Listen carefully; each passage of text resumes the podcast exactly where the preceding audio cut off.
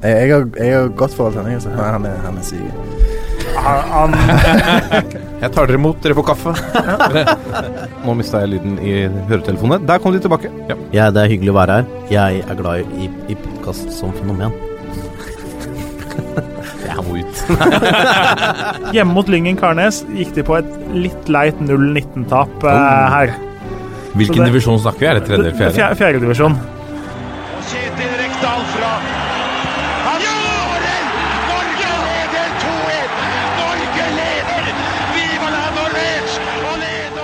Og der er endelig toppfotball tilbake med den første sendinga i det herrens og kvinnens år 2020.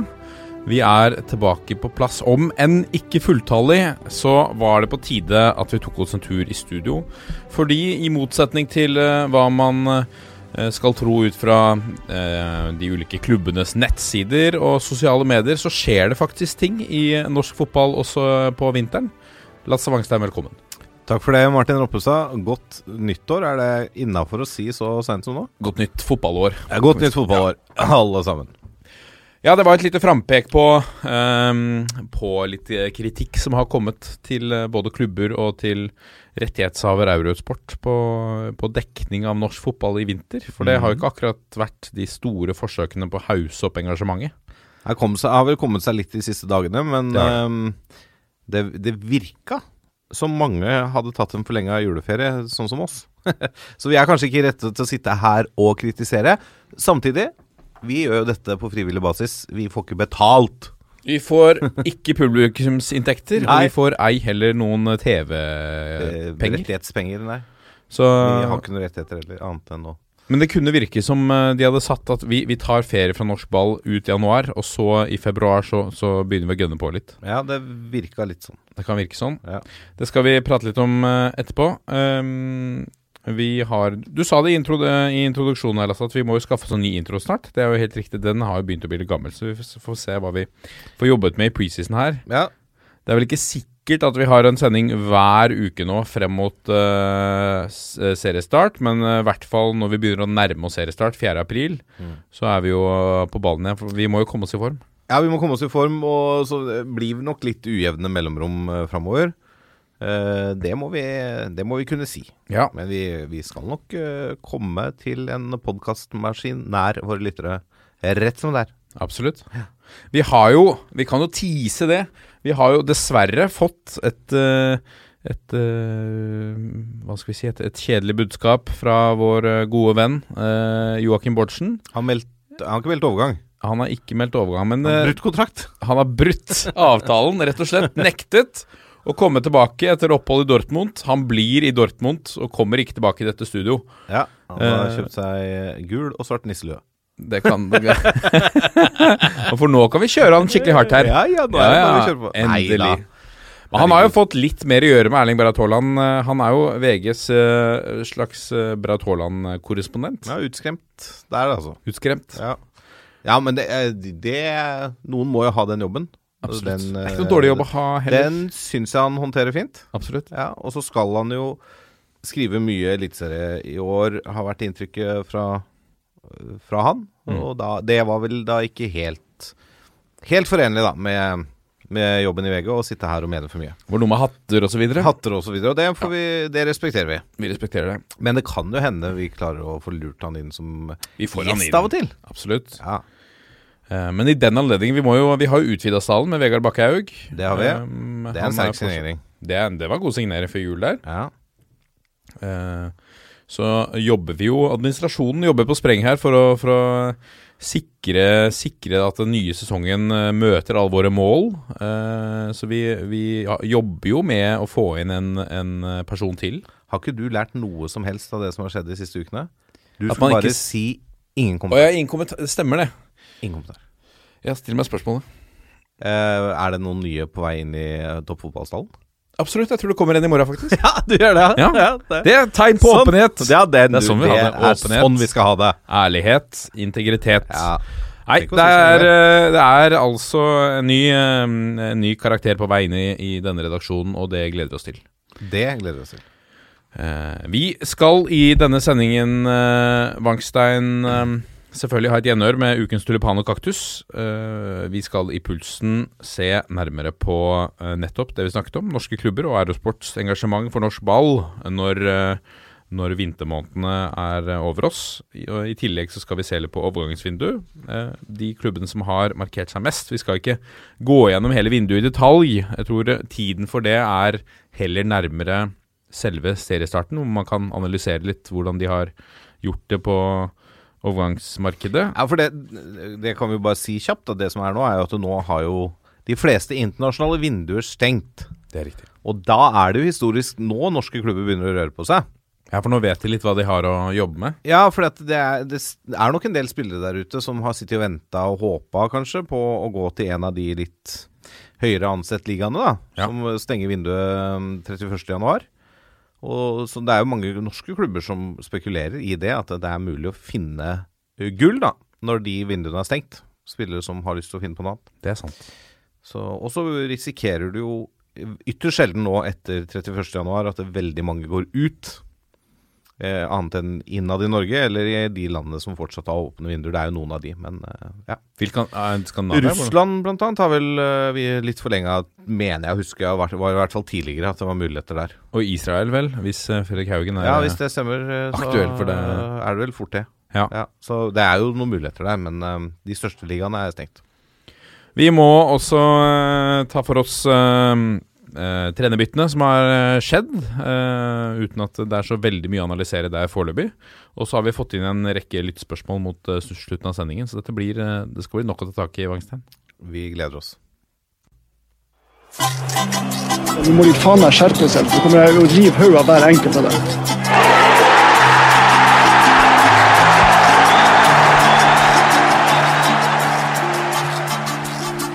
Det er meget med lyd i den eh, jinglen, det må vi kunne si. Ja, det, det er lov å si. Ja.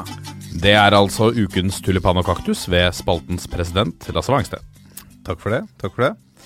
Ja, øh, ukens, eller øh, skal vi se vinterens tulipan og kaktus. Foreløpig vinters tulipan og kaktus. Ja. Det er greit å si det? Ja, vi, det er første sending, så Ja. Eh, altså, kaktus den eh, gangen her, det, det må gå til spillere som ikke har så mye respekt for eh, kontrakter de har signert på. Og da ser jeg først og fremst på deg, Filipe Carvalho. Jeg ser Ja, for du hører på. Vi regner med på. Ja, jeg regner med det. Jeg ser på deg, Pape Habib Gay i Ålesund. Og jeg ser lite grann på herr Berisha i Brann. Eh, Berisha han pressa jo gjennom en overgang til Viking. Han, og han var jo åpen for det før han signerte for Brann, at uh, han helst ville spilt for Viking. Uh, men de hadde ikke økonomiske muskler til å hente han. Og så gikk han ut og hadde noen podkastintervjuer i jula og litt sånn, og var jo ganske tydelig. Unnskyldte seg litt sånn halvveis, men han gjorde seg selv uspiselig i Bergen. Han gjorde seg sannsynligvis uspiselig i spillestallen og i klubben. Og skal man tro rapportene fra Brann, så blomstrer jo Bamba nå i vinter. Og det er jo ikke noe tvil om at forholdet mellom Bamba og Berisha ikke har vært det beste, når man har sett hvordan dette har utarta seg med litt eh, historier fra treningsfeltet og hvordan eh, Berisha har uttalt seg om Bamba i media og sånne ting. Så det er nok til det beste da for alle parter at eh, Berisha nå er tilbake i Stavanger. Men jeg er ikke noe fan av sånne løsninger. Når det gjelder eh, Gay i Ålesund, som nå har signert for eh, KV Kortreik i eh, Belgia, jeg vet ikke om jeg sa det riktig, så nekta han å komme tilbake fra ferie og ville vekk. Etter å ha spilt 60 obligatoriske kamper og skåra 25 mål for Ålesund. Jeg liker ikke sånn oppførsel. Og Filippe Carvalho, som da før 2018 kom til Vålerenga og signerte en ettårskontrakt, som ble forlenga på sommeren. Og så ble han leid ut etter fjorårssesongen. Han var vel litt ute i kulda i Sverige da de henta han. Så han ja, var han liksom, kom, han kom jo fra Malmö, og så var han leid ut til Falkenberg og litt sånn. Eh, så han, han trivdes jo ikke i Oslo, da. Jeg bare bare lurer på hva er det som er så forferdelig med Oslo kontra Falkenberg Jeg vet ikke hvor Falkenberg er engang, eller om det er en by, eller om det jeg, jeg har ikke peiling. Pass. Eh, Eller Malmö, da. Eh, og så eh, blir han jo leid ut fra Vålerenga til Nasjonal i hjemlandet Uruguay. Eller ett av to hjemland. Han jo, har jo både brasiliansk og uruguaysk pass. eh, og blir seriemester der i 2019. Og bra trøkk på tribunen der, så jeg. Ja da, det er topp stemning, det. Skal jo da få litt forlenga ferie eh, for å se på muligheter til Altså, de hadde opsjon på kjøpen, valgte å ikke å benytte seg av den. Eh, fikk litt forlenga ferie for å se på muligheter, så han skulle slippe å fly fram og tilbake over Atlanteren flere ganger. Eh, men skulle vært tilbake i Vålerenga nå for to uker siden, og ikke dukka opp. Ute og lufta bikkja her om dagen, så jeg på, på Ja, ja, han var ute og lufta bikkja, og han er jo Han, Så han gjemmer seg han er ikke? jo i live, Ja, ja. ja. heldigvis. Men det er godt å vite. Ja. Mr. Boff. Mr. Boff. Så mm, jeg er ikke noe fan av det der, altså. Det er, det er rør, det er rask, det er flass. Altså, du kan ikke holde på sånn. Du har signert altså, Han forlenga kontrakten med Vålerenga for halvannet år siden. Altså, tror han kontrakten blir borte? Altså, Det eneste Vålerenga kan gjøre nå, mener jeg, det er bare å Altså, de sitter jo på spiller... um, hva heter det? Lisensen hans. Må ikke frie den. Må ikke finne på. Og jeg mener jo de må ha muligheten til å ikke betale han lønn nå. For jobben hans er å stille og trene fotball for Vålerenga fotball. Ja, og verdien hans synker vel for hver dag som går Ja, han prøver å presse gjennom et eller annet her, selvfølgelig. Og han prøver å få Vålerenga til å bare slippe den, så de slipper lønnskosten. Mm. Men eh, nei, det der, er, det der må vi ha bort. Altså, det er for mye spillermakt, syns jeg, da. På, når sånne ting viser seg. Det er ikke, det er ikke bra. Nei. Så få det bort, som noen sier. Ja. Blomst skal jeg overraskende nok gi til eh, noen eh, som spiller i Obos-ligaen i 2020. Til våre kjære venner på Åråsen, Ja. og da spesielt til Kanarifansen. Som til serieåpningen borte på Briskeby mot HamKam har mobilisert noe så inn i granskauen, og har solgt 1400 billetter til serieåpninga. Men hva har skjedd her? Dette var jo en klubb i på en måte fritt fall etter nedrykket. Folk var Volbråtne og Ja, forbanna, jeg- Dette, dette tror jeg er sånn mobilisering, at nå skal i hvert fall supporterne gå foran som et godt eksempel. Og, og, jeg, og, det, og jeg elsker det. Altså å bare snu på femøringen. Ja. Ja. det var dritt å rykke ned, og det skjønner alle. Uh, og jeg skjønner de er skuffa og forbanna og lei seg og alt det, og det er sikkert ikke gått over ennå. Det, det forstår jeg veldig godt. Uh, rekorden deres har ryket alt sammen. Men de fikk først tildelt 800 billetter, tror jeg, på Briskeby. Solgte ut på 0, niks. Fikk noen hundre til, solgte ut med en gang. Fikk til slutt 500 til. Eh, solgte ut på et døgn, og kunne fortsatt solgt billetter. eh, hvis de hadde fått tilgjengelig flere fra, fra Hamarhold. Så eh, virkelig, altså, blomsterbukett for den mobiliseringa. Det er to måneder til seriestart. Det er kanskje mer òg, men eh, altså, det, er, det er imponerende. Vi møtte jo harde mottak, Lillestrøm-podkasten her ute. Eh, de er jo eh, Hva skal jeg si? Jeg spurte om uh, vil det komme en hilsen til det norske fotballfolk. Og da sa de at vi ønsker hele Fotball-Norge til helvete. Var vel egentlig ordrett det de sa? Ja. I og med at det har gått i dass nå med Lillestrøm, så ønsker de alle til helvete. Ja. Uh, det er jo vel ikke, uh, ikke mindre å forvente, kanskje. Nei, det er jo ikke det. Og det er, altså, Trym, Samtidig Trym så var det, da. Fotball, ja. Fotballvennen Trym Hogner, Ja. som har vært gjest hos oss, han, Yes. Han, han var ikke ferdig med det nedrykket. nei. I det hele tatt. Nei. Og han har ikke Om det er noe de sier, eller hvordan det er, eller om det er sånn ståa er på Åråsen nå, det har jeg ikke nok innsikt i. Men han er ikke udelt uh, positiv med tanke på sesongen som venter. Han uh, Jeg tror ikke han forventer et, uh, en umiddelbar retur til Eliteserien. Han begynte vel å snakke om PostNord.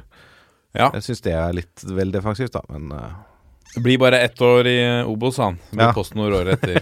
ja. Men jeg syns det var et godt poeng de hadde òg. De fikk jo flere nå arenaer i, i beltet, selvfølgelig. Nye baner Ja. å spille på. Eh, møte Stjørdalsblink eh, i, i Trondheim der. På en onsdag.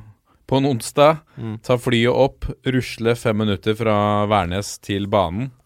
Og, og Rusle match, tilbake og fly hjem. og rusle tilbake og fly hjem. Det er jo eh, veldig ålreit bortekamp så langt unna. kan rekke en bortekamp på en onsdag etter jobb. Ja. Og komme hjem før leggetid. Det er, Det er imponerende. Ja. Så noen fordeler, LSK, må det være. Ja, ja, ja. Ja. Nei, men uh, virkelig jeg er imponert over den mobiliseringa. Det er jo altså 1400 billetter. Um, det er sikkert noen eliteserieklubber som har selv, solgt så mange eh, sesongkort allerede, men det er ikke mange eliteserieklubber som har solgt det. Det er veldig gøy for norsk ball òg, om de kan sette fyr på den ligaen i år. Ja, ja, kjempegøy. Det hadde vært veldig gøy. Veldig. Helt klart.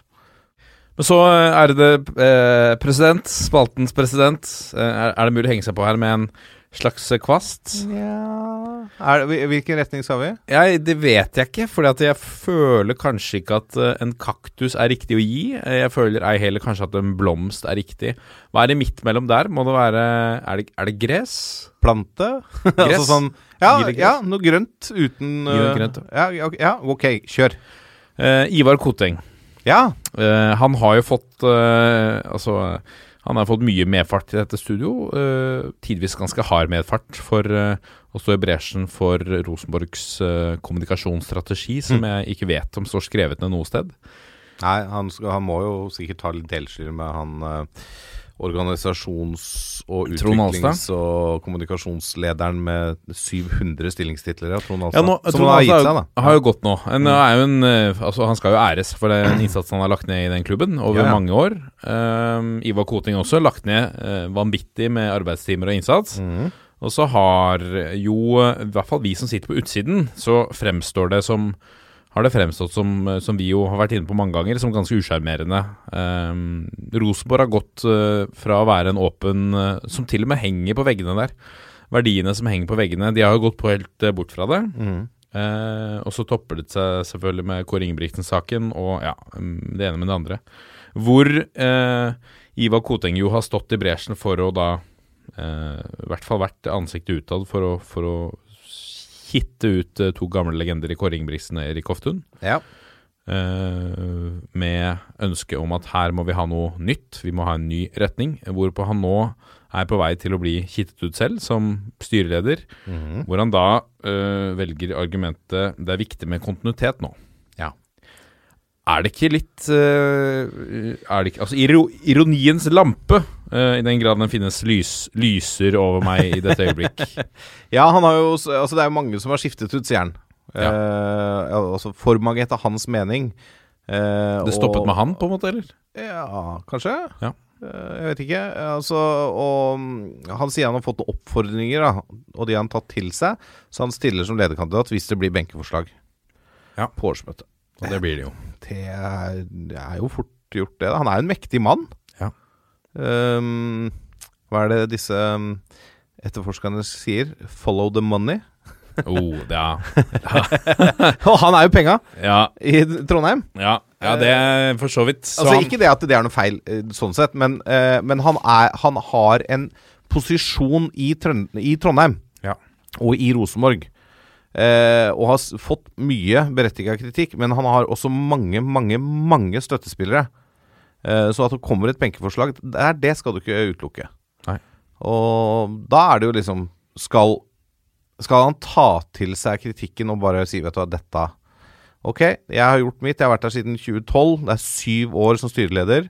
Fått til masse. Tre seriegull på rad, eh, to av tre cupgull. eh, der. De vant fem av seks titler på tre sesonger i Norge. Mm. Det er ganske, da, da er du ganske dominant da, som klubb. Eh, og så har det vært gjort mye rart også. Eh, vi i hvert fall fremstår sånn. Så Og han har jo stå, valgt selv å stå fremst også. Han har ikke sendt Han har ikke sendt Nei, altså, du ser jo foran. veldig mange klubber hvor styreleder Du vet knapt hvem styreleder er. Ja. For de velger at Altså, de styrer fra styrerommet, og så er det andre som på en måte tar støyten. Men han tar jo all støyten sjøl. Ja. Han står der selv, og han er jo førstetalsperson, omtrent. Eh, om han eh, trønderenergimannen som er eh, meldt inn som eh, styrelederkandidat, er samme typen, det tviler jeg på. Så det blir jo spennende å se hvordan dette blir. Men eh, ja, det, det, det virker litt rart, hele opplegget. Det er uansett en ny kabal der oppe med Mikke Dorsin også inn, som jo Mm. virker i hvert fall å stå for en litt annen eh, Han virker å stikke nesa litt mer fram og, og Ja. by på litt åpenhet. Ja da, eh, det, vi trenger jo det i norsk eh, fotball. At Ja. folk eh, står fram og byr på åpenhet. Nå kommer pulsen.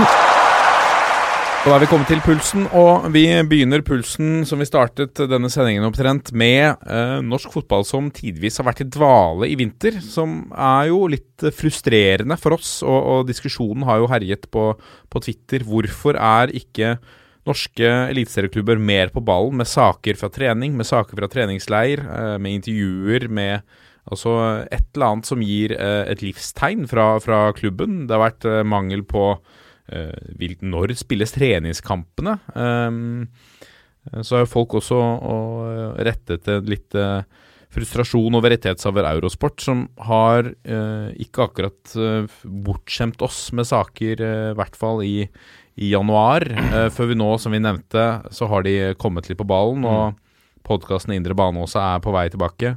Ja. Eh, så det begynner å bygge seg litt opp igjen. Men, men jeg, kan eh, stille et litt sånn retorisk spørsmål her, da, men altså forventer man at engasjementet for norsk ball skal opprettholdes gjennom vinteren dersom man ikke gjør noe for å påvirke det? Uh, ja, det kan jo virke sånn. At man forventer det. Men Eh, jeg tenker meg at Det er ikke så viktig når det er offseason. Folk tenker på Premier League og Nei, men, Liga. altså, og... ja, men skal du eh, bygge grunnlaget Også Eurosport skal bygge et grunnlag for å få flest mulig seere, så de kan selge flest mulig reklameplakater før, og, før kamp, i pausen og etter kamp. Eh, så de tjener penger og får igjen investeringen sin på å kjøpt disse rettighetene for, for Ja, for det er jo vinn-vinn, dette. ja, ja. Eh, De, eh, Eurosport vil ha flest mulig seere, de vil ha flest mulig folk på stadion. For det blir best mulig ramme. Da blir fotballkampene bedre. Altså det blir en bedre TV-produkt. Eh, De bør jo ha alt å vinne på å følge Eliteserien og norsk fotball så tett som mulig når det er aktivitet. Og da mener jeg at aktivitet er det fra man begynner å trille ball i januar i oppkjøringa. Da begynner det å røre seg med overganger ut og inn. Det er trenere som bytter jobb, det er spekulasjoner, det er rykter. Sladder. ja, nå begynte jeg nesten å sitere en jokkesang. 'Baksnakking er sladder', som går videre. Eh, nei, men altså, det er um, Det bør jo være i Eurosports interesse. Og så har du klubbene. Altså, jeg forstår at vi ikke er i 2010, da hvor det var et helt annet nivå på økonomien i klubbene, hvor man hadde råd til å ha to-tre i enkelte klubber eh, fulltidsansatte i en medieavdeling. Og det, dette vet jeg jo selv, fordi jeg satt der selv og, og leda en sånn medieavdeling. Med, og hadde jo to ressurser sammen med meg, i tillegg til de som var frivillige. Da har man jo ressurser til å publisere innhold hele tiden. Men så er spørsmålet om man sparer seg til fant, da. Ved å på en måte spare på de ressursene. For det, skal du selge billetter, så må Altså, folk hungrer etter informasjon. Og er du supporter av en klubb, det første du gjør, er å sjekke nettsida til klubben. Eller så sjekker du Twitter-kontoen, eller så sjekker du Facebook-siden. Og så sjekker du nyhetene på TV2, VG, Dagbladet, Eurosport, Nettavisen og alle disse. Det er der du, du søker informasjon om klubben din. Skjer det noe rundt klubben min? Og du har lyst til å lese om klubben din, du har lyst til å se intervjuer med spillere og trenere for å bygge opp engasjementet inn mot seriestart. Hvis klubbene ikke tar på alvor sin oppgave med å kommunisere ut til sin uh, menighet, da kan de heller ikke forvente at uh, de som sitter på gjerdet, kjøper billett. Altså, de mest trofaste, de kjøper billett uansett. Men du kan løfte engasjementet dems ved å være til stede. Og det er nå sesongkort uh, Det er nå de selges. Du pushes. selger ikke sesongkort to dager før første seriekamp. Nei. Det er ikke da du skal selge Altså, det, altså det, det burde vært det, det holder ikke å ha en toppsak hvor det står 'kjøp sesongkort'. Du må, ha, du må snakke om det. Du må snakke om produktet ditt. Og jeg kaller det bevisst et produkt, fordi at det, fotball er underholdning. De er i underholdningsbransjen. Og det er derfor jeg også er så veldig motstander av sånn derre øhm, At alt skal være så hemmelig. Altså, jeg forstår at det, en kontrakt er hellig, og det er mellom to parter. Og jeg forstår at du ikke går ut og sier nei, vi har fire kandidater, og det er han og han og han og hun. Ikke sant? Det, det, det, forstår jeg, men det går an å slippe opp litt. Grann. Og ja, nå kritiserer jeg bl.a. da uh, Vålerenga, hvordan de har løst denne trenerkabal-greia, da. Uh, hadde de sluppet opp litt på hva de sier, så hadde det i seg selv skapt engasjement. Og jeg sier ikke at det skal være fulle lekkasjer fra Valle, sånn at det er masse rykter hele tida. 'Å, nå er det han, og så nå er det han'. Men det går å Det går an å slippe opp litt. Det går an å være litt mer Å ha litt mer glimt i øyet. Være litt mer jovial. Ikke sant? Istedenfor å bare stå der som en sånn derre maskin å si 'det har jeg ingen kommentar til'. Du kan gjerne stille spørsmålet på 17 forskjellige måter. Jeg kommer til å si det samme. Jeg har ingen kommentar. Det blir så jævlig kjedelig. Altså, og, nå, nå har ikke jeg Og det bryter jo ned mer engasjement enn det skaper. Ja, altså, altså Fram til Fagermo ble ansatt i Vålerenga, så var inntrykket mitt en sånn derre like, likegyldighet over hele fjøla. Folk er bare sånn Får jo ikke til noe. Sant, Så har det hjulpet litt nå. Nå får du i hvert fall inn en trener da, som det er litt punchy, og som er en sitatmaskin.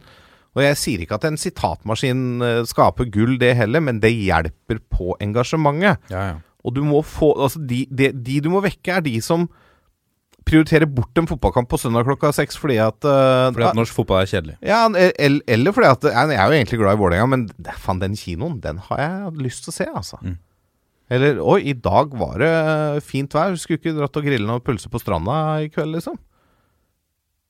De folka må si Vet du hva, i dag klokka seks søndag så skal jeg på Intility og se kamp. Ja. På Vålerenga spiller. Ikke sant? Det er Eller jeg skal på Brann stadion På eh, Komplett på Arena. Mm. Som ikke heter lenger. Det heter Altså- bare Arena nå.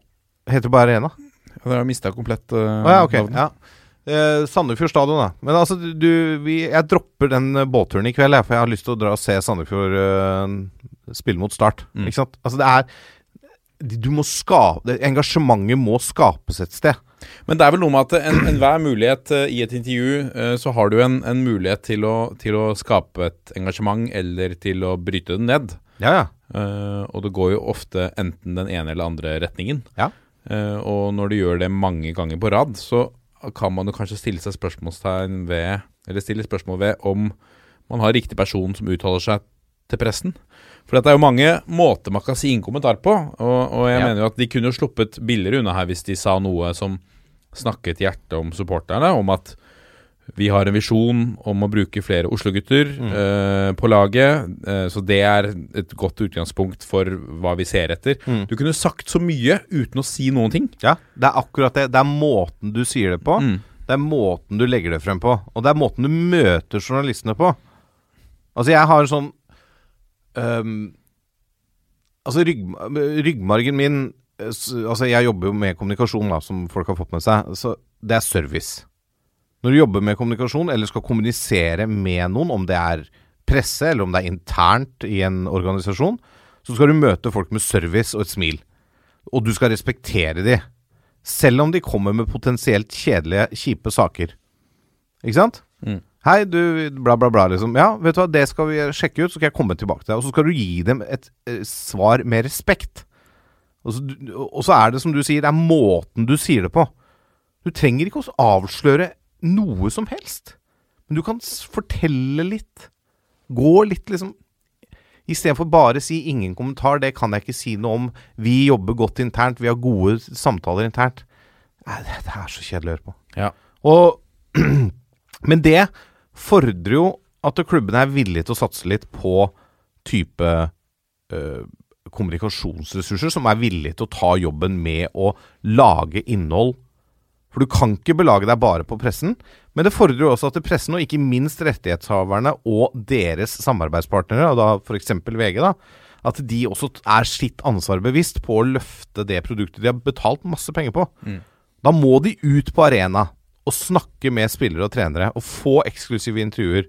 Kanskje gjøre noen dybdeintervjuer, da, så du blir bedre kjent med en spillerprofil. Vær med å bygge profiler. Ja, for det, det, det er en ting som slår meg. En ting, eh, en ting er Jeg prøvde å sette opp et utgangspunkt her. Om vi hadde hatt dette ansvaret, hva ville gjort annerledes? da? Ja.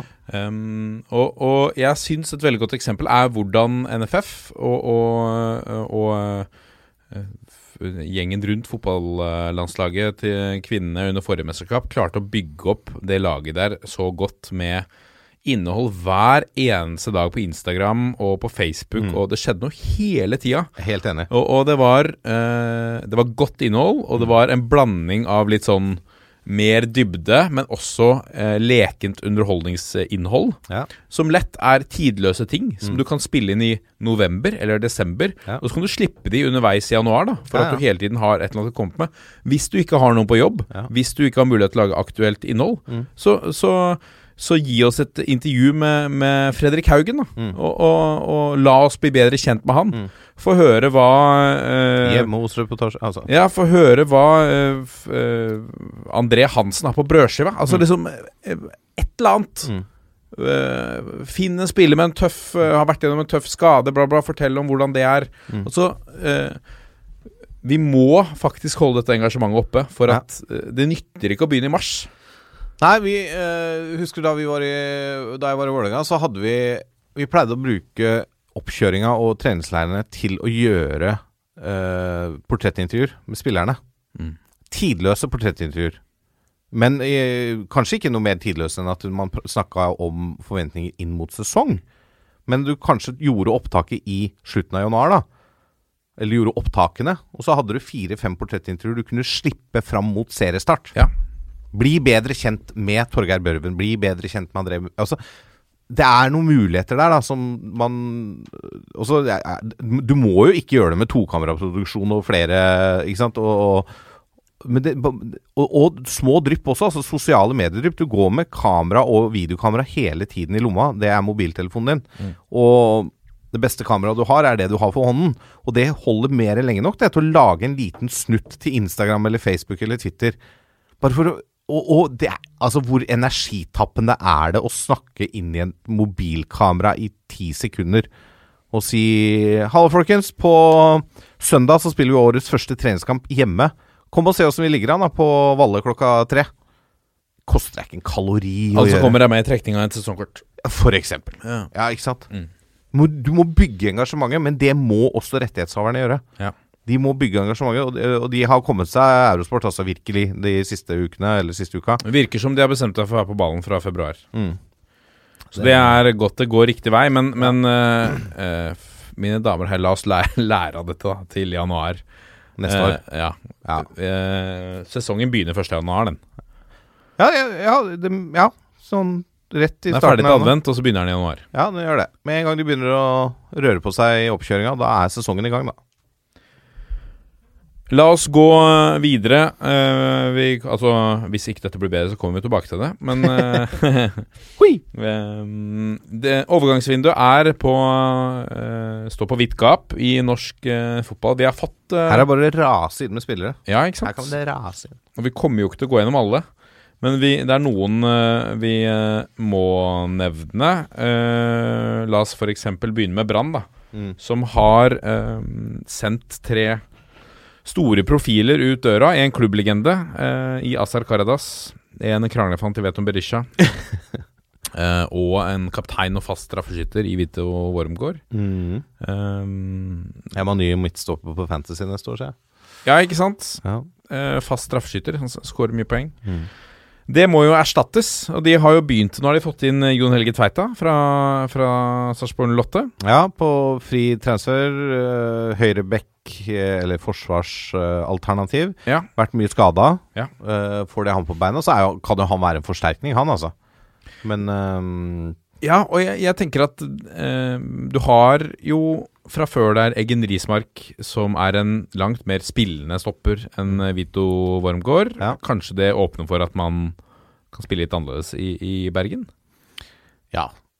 Det er jo mulig. Og Ja. at Lars Arne Nilsen plutselig skal kaste om på alle sine tanker om eh, fotball, det er jeg mer i tvil om. Uh, han uh, Costa Nei, hva heter han? Bismarck Acosta. Ja, Bismarck Acosta. Bismar. Bismar Acosta. Vi har fått kjeft for det før. Ja, beklager. Eh, Det er rustenhet for oss også. Mm. Bismar eh, Acosta han har gått ut og sagt at han vil ha en ny sjef ved siden av seg. Ja. Da sier han jo indirekte at eh, Eggen Rismark er ikke noe sjef. Han vil ha en annen. Nå spilte jo han mye defensiv eh, sentral midtbane på slutten av sesongen i fjor, mm. Acosta.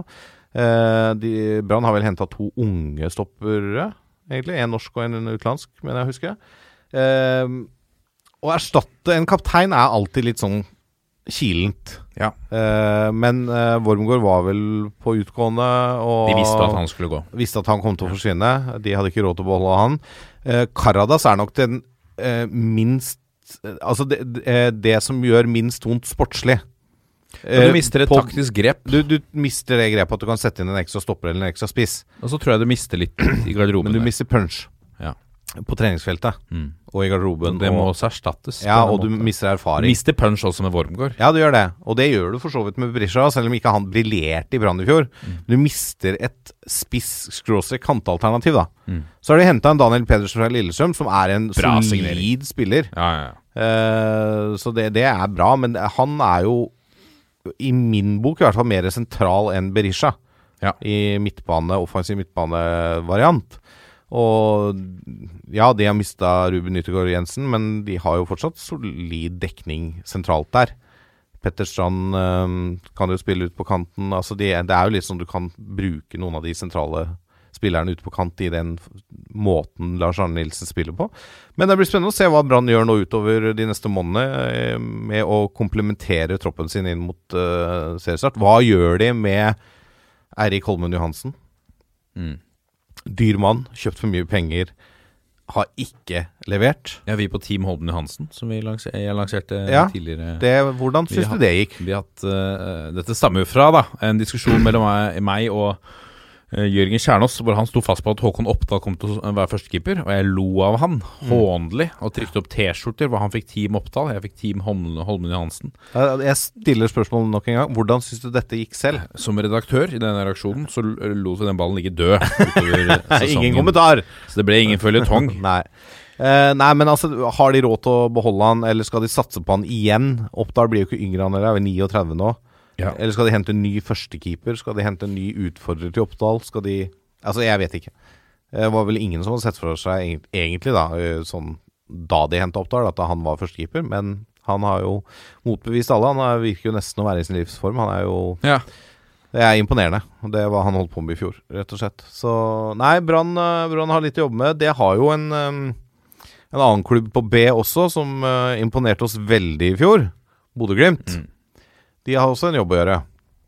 ja, for der har gått mye ut. Der har gått mye sentralt ut.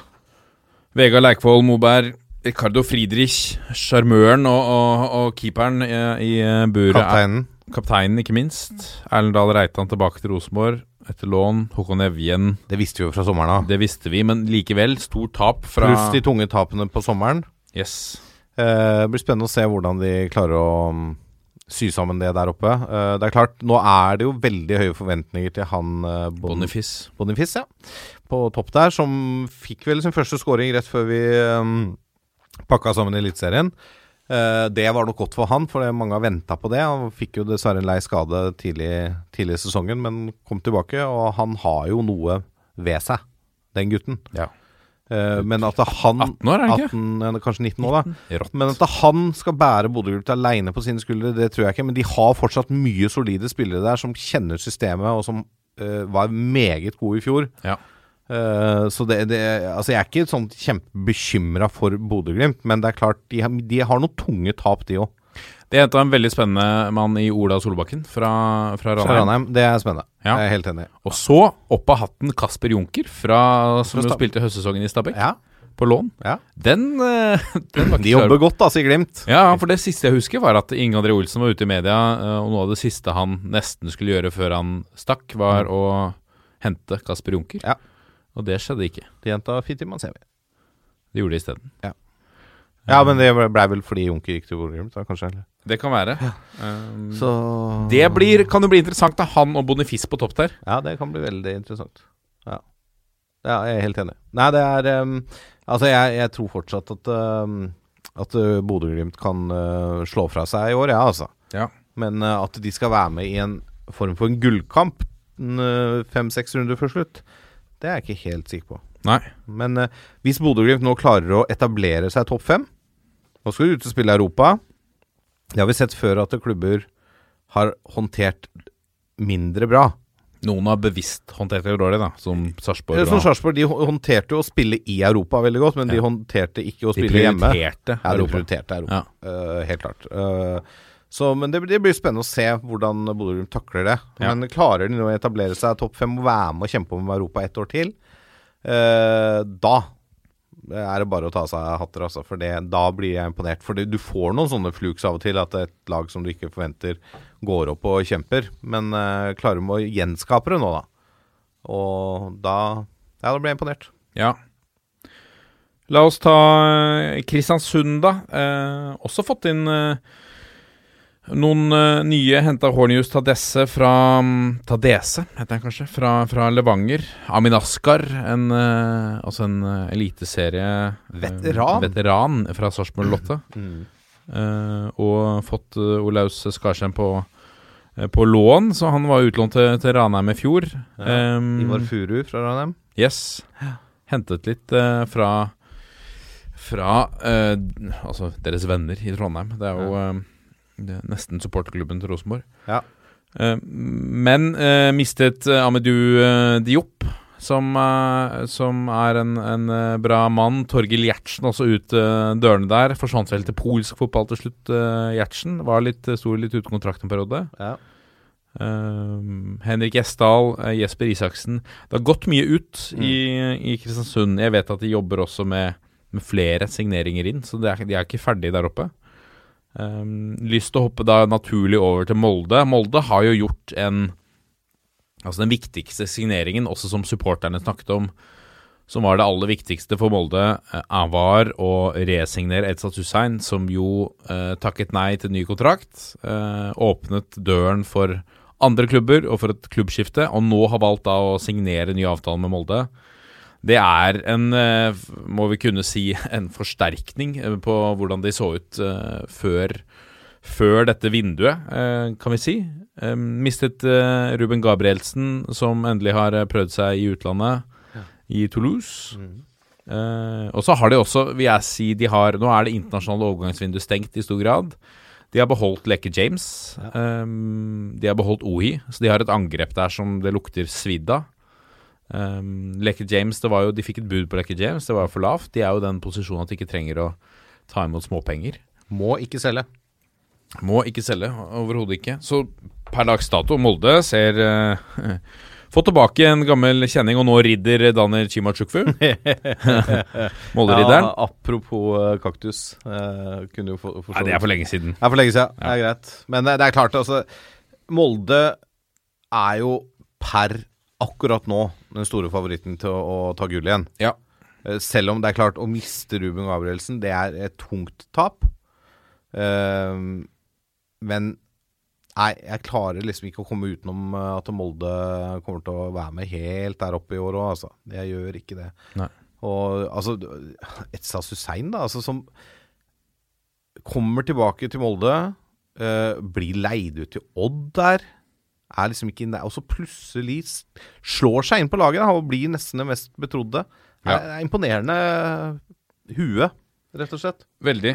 Um, nå skulle jeg finne Jo, la oss gå videre til eh, Mjøndalen. Jeg måtte google, google Jibril Bojang, som jo Kontrakten hans gikk ut. Han, han tror jeg har forsvunnet til egyptisk fotball, av alle, av alle ting. Det tror jeg jeg hørte noe om, ja. Uh, Oliver Ocean er ferdig i Eliteserien, ser det ut til, men han kommer vel tilbake et eller annet sted, kanskje? Tar et halvt år i fjerdedivisjon, kommer tilbake, han.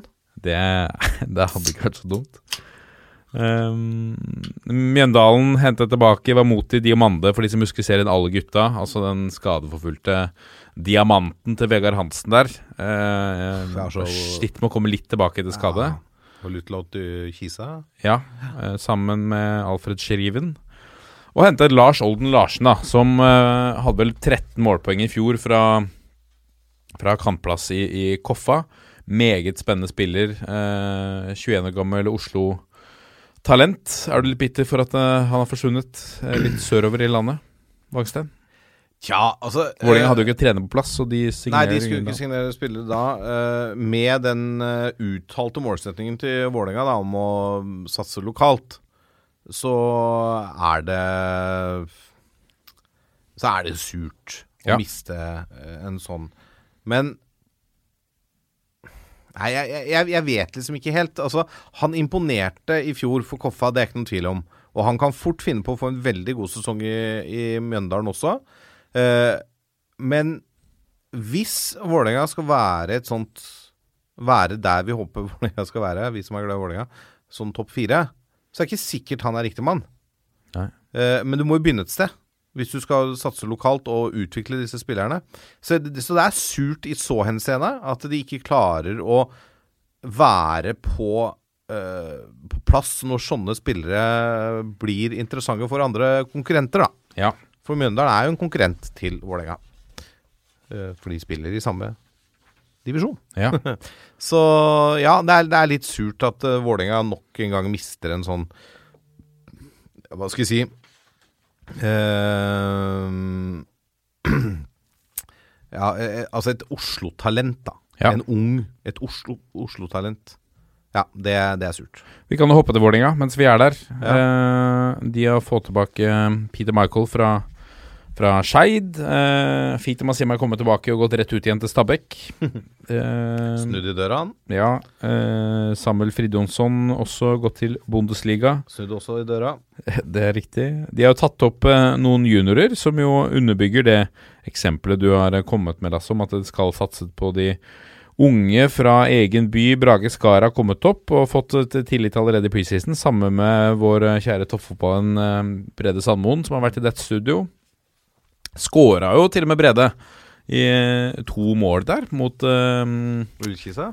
eh, Det stemmer, i 7-0-seieren, var det ikke det? Ja, stemmer.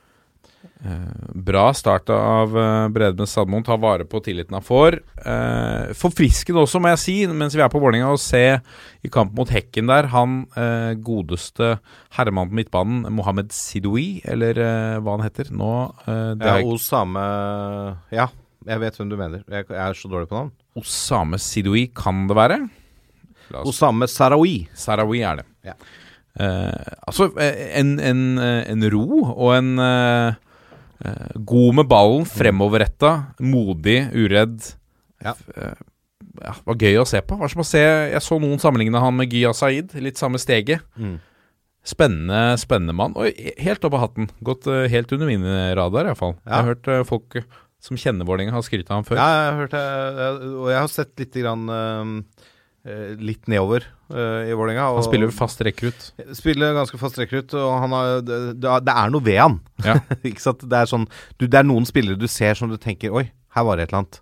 Ja. Eh, Det var litt sånn først, Jeg husker første gang jeg så Mohammed Fella òg. I en altfor stor drakt. Mm.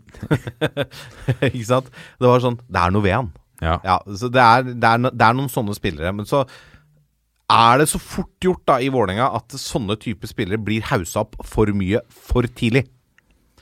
Ja. Uh, og det, det, er liksom Gi det litt tid. La de få lov til å forme seg. La, altså, du Litt av utfordringen har vel vært at de ikke har fått tid ja, ja, å jo, jo, men det er jo én ting. sjansen, Men eller? så litt av utfordringen har også vært at veldig mange av disse unggutta som har kommet opp i Vålerenga-systemet, har blitt altfor fort enten utålmodige på at nå skal jeg være fast på laget, for nå har jeg fått A-lagskontrakt, eller at de har blitt for fort uh, fornøyde. Ja. Oi, jeg har fått A-lagskontrakt med Vålerenga. Da trenger jeg ikke trene like hardt som før. Nei. Ikke sant?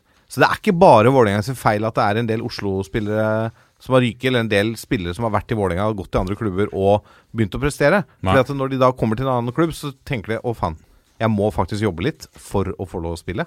Ja. Det er ikke bare å spasere inn noe som helst sted. Så, men det er, det er masse spennende ungt uh, i, i både Vålerenga og andre klubber. Mm. Men um, så er det noen som går ut òg, og, og sånn vil det alltid være. Ikke sant? Sånn som Leo Kornek som gikk til, um, gikk til Grorud. Um, men det er, Grorud er Vi har jo hatt eh, Erik Kjønøp som Ja. eh, gjest her. Driver veldig godt uh, Grorud.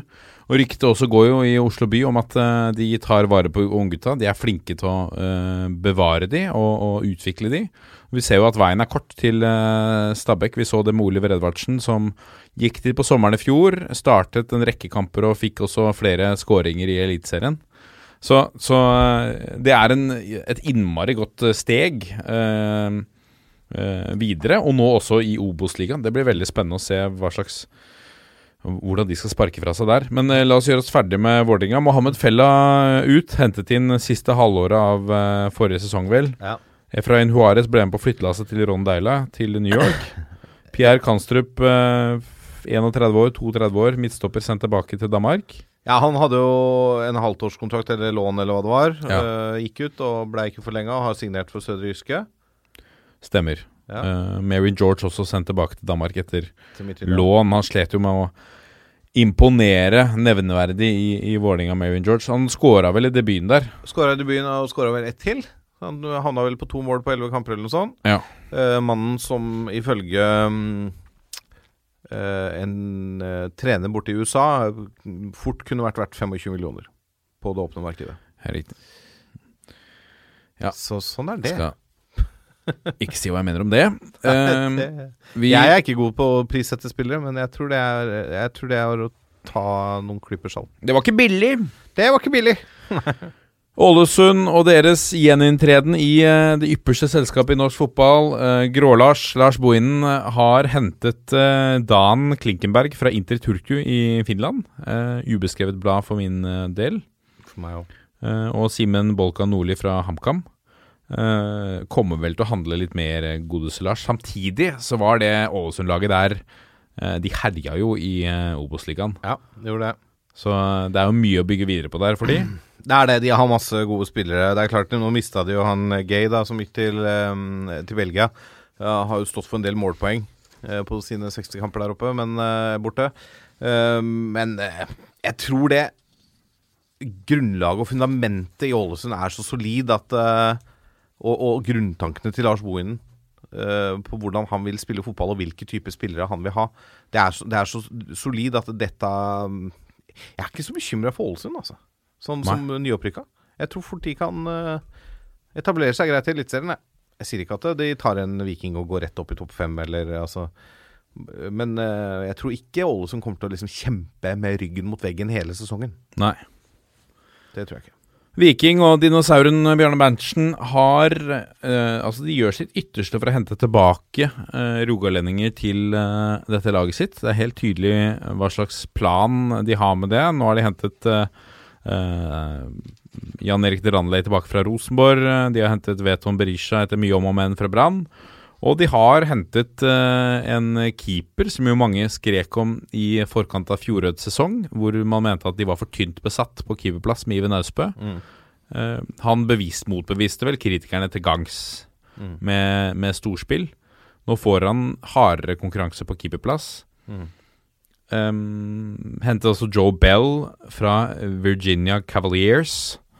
Eh, har du oversikt over MLS borti der? Det er kanskje ikke MLS engang? Nei, jeg vet ikke. Jeg har ikke så veldig oversikt over han, for å være helt ærlig. Ja, Da har jeg mer oversikt over eh, Østbø. Og det er jo, er jo noen uh, morofjasere på Twitter som mener at det da skal Viking gå for nynorsk eller bokmål. Ja, ikke sant? Aust og øst. Austbø og Østbø. Ja, Den er tricky. Den er tricky, altså. Og det er jo så lett å blande de òg, vet du. Bare på navn. Ja. Austbø, Østbø. Hvem, var det? av dem? Ja. ja, hvem vet? Kanskje dinosauren Bjørne Berntsen går litt i surr? Ja, kanskje det. Og så plutselig står han som vi egentlig ikke skulle stå. Men det er klart, eh, Jan Erik til Landley tilbake, det er, eh, det er gøy for Viking, eh, og ikke minst Berisha. Det er jo to solide gutter som de er glad i i Stavanger. Mer tungt å miste Christian Thorstvedt. Ja, Uh, og ikke minst Ikke så uventet, da. Nei, ikke så uventet. Og ikke minst Slatko Ja. Tripic. Den er tøff. Kapteinen, uh, ledestjerna, Maskinen. signalspilleren. Ja, ja. Oh. Ja, nei, men altså, det er klart Men han fortjente jo å Ja. få et utenlandsopphold, uh, tjene penger, mer penger enn du tjener i Eliteserien. Um, har jo til og med vist seg fram i Tyrkia med scoring allerede. Så det er jo meget, meget bra. Eh, men um, da, du får jo på en måte litt inn den samme typen i Berisha. Ja.